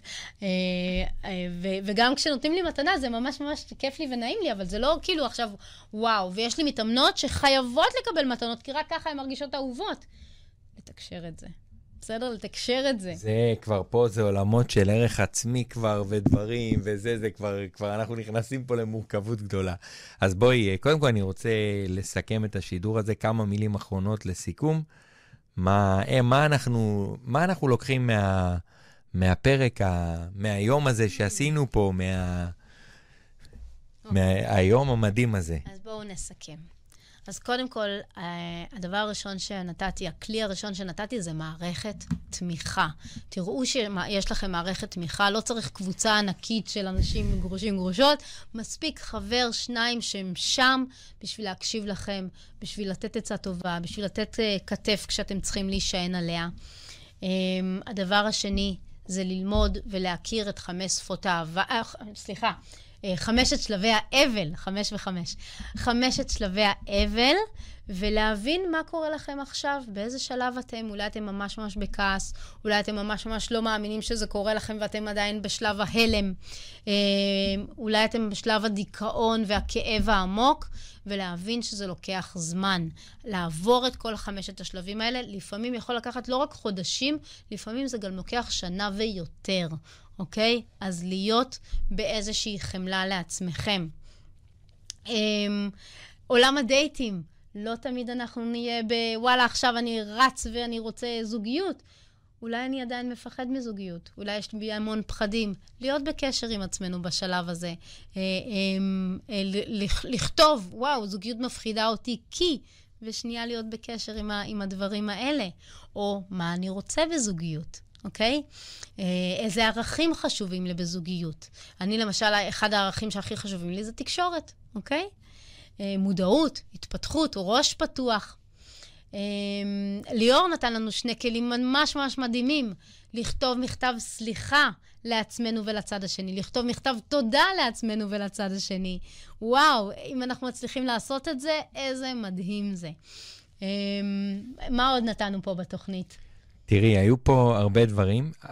אחד הדברים שאני תכף גם אעשה סיכום, למה אני הולך לעשות את הפתיח של, ה... של התוכנית, ואז uh, אנחנו uh, נדבר שם על, uh, על כל הדברים שדיברנו, אבל uh, לפני שאני אסכם, היו פה כמה דברים. אחד זה למשל השיר הזה, שהרני זה אפרופו לסלוח לעצמנו, שזה באמת, תשמעו שירים שיחברו אתכם לסליחה ולאהבה, כמה שזה לא פשוט. זה לא פשוט, בטח שמתגרשים וכאלה, יש הרבה כעס, הרבה תסכול. הרבה פעמים זה לא תמיד אתה מרגיש שקיבלת את מה שאתה צריך לקבל בתוך, ה, בתוך המערכות האלה, ו... או שיצאת לא כמו שאתה רוצה לצאת, או כל מיני דברים כאלה, ואתה בא עם הרבה הרבה כעס. וצריך לנקות את הכעס הזה, כי הכעס הזה לא יעזור לאף אחד. נכון. ואני חושב שאחד הדברים שאנחנו צריכים להבין, שנכנסנו למסלול חיים חדש. מסלול חיים, איך אמרת? פינוי-בינוי. נכון. אני חושב שהאנלוגיה הזאת היא מהממת, כי זה, די, עכשיו אתה פה בפינוי, בוא, עכשיו אתה בחורבות, עכשיו הרסו את הבניין, בוא, אתה עכשיו בונה שורש...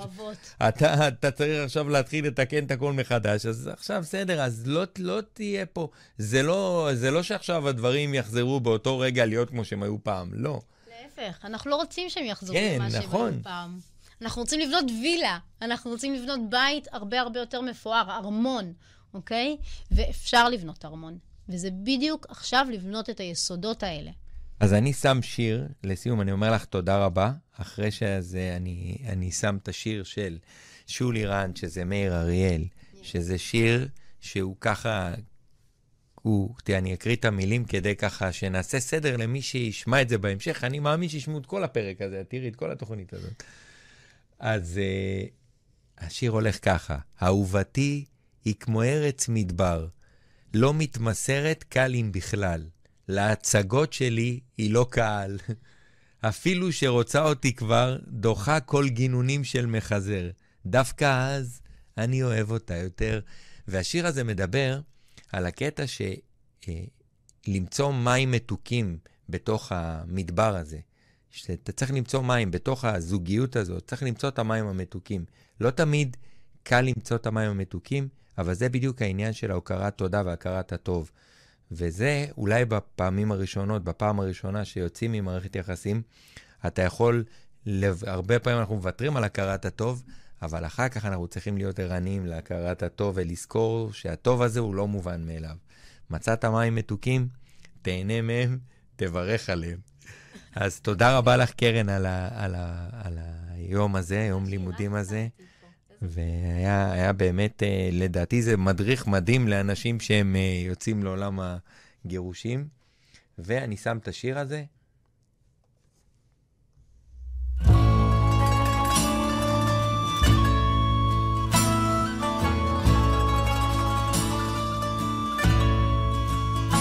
אהובתי כמו ארץ מדבר, לא מתמסרת קל אם בכלל. להצגות שלי היא לא קהל, אפילו שרוצה אותי כבר, דוחה כל גינונים של מחזר. דווקא אז אני אוהב אותה יותר.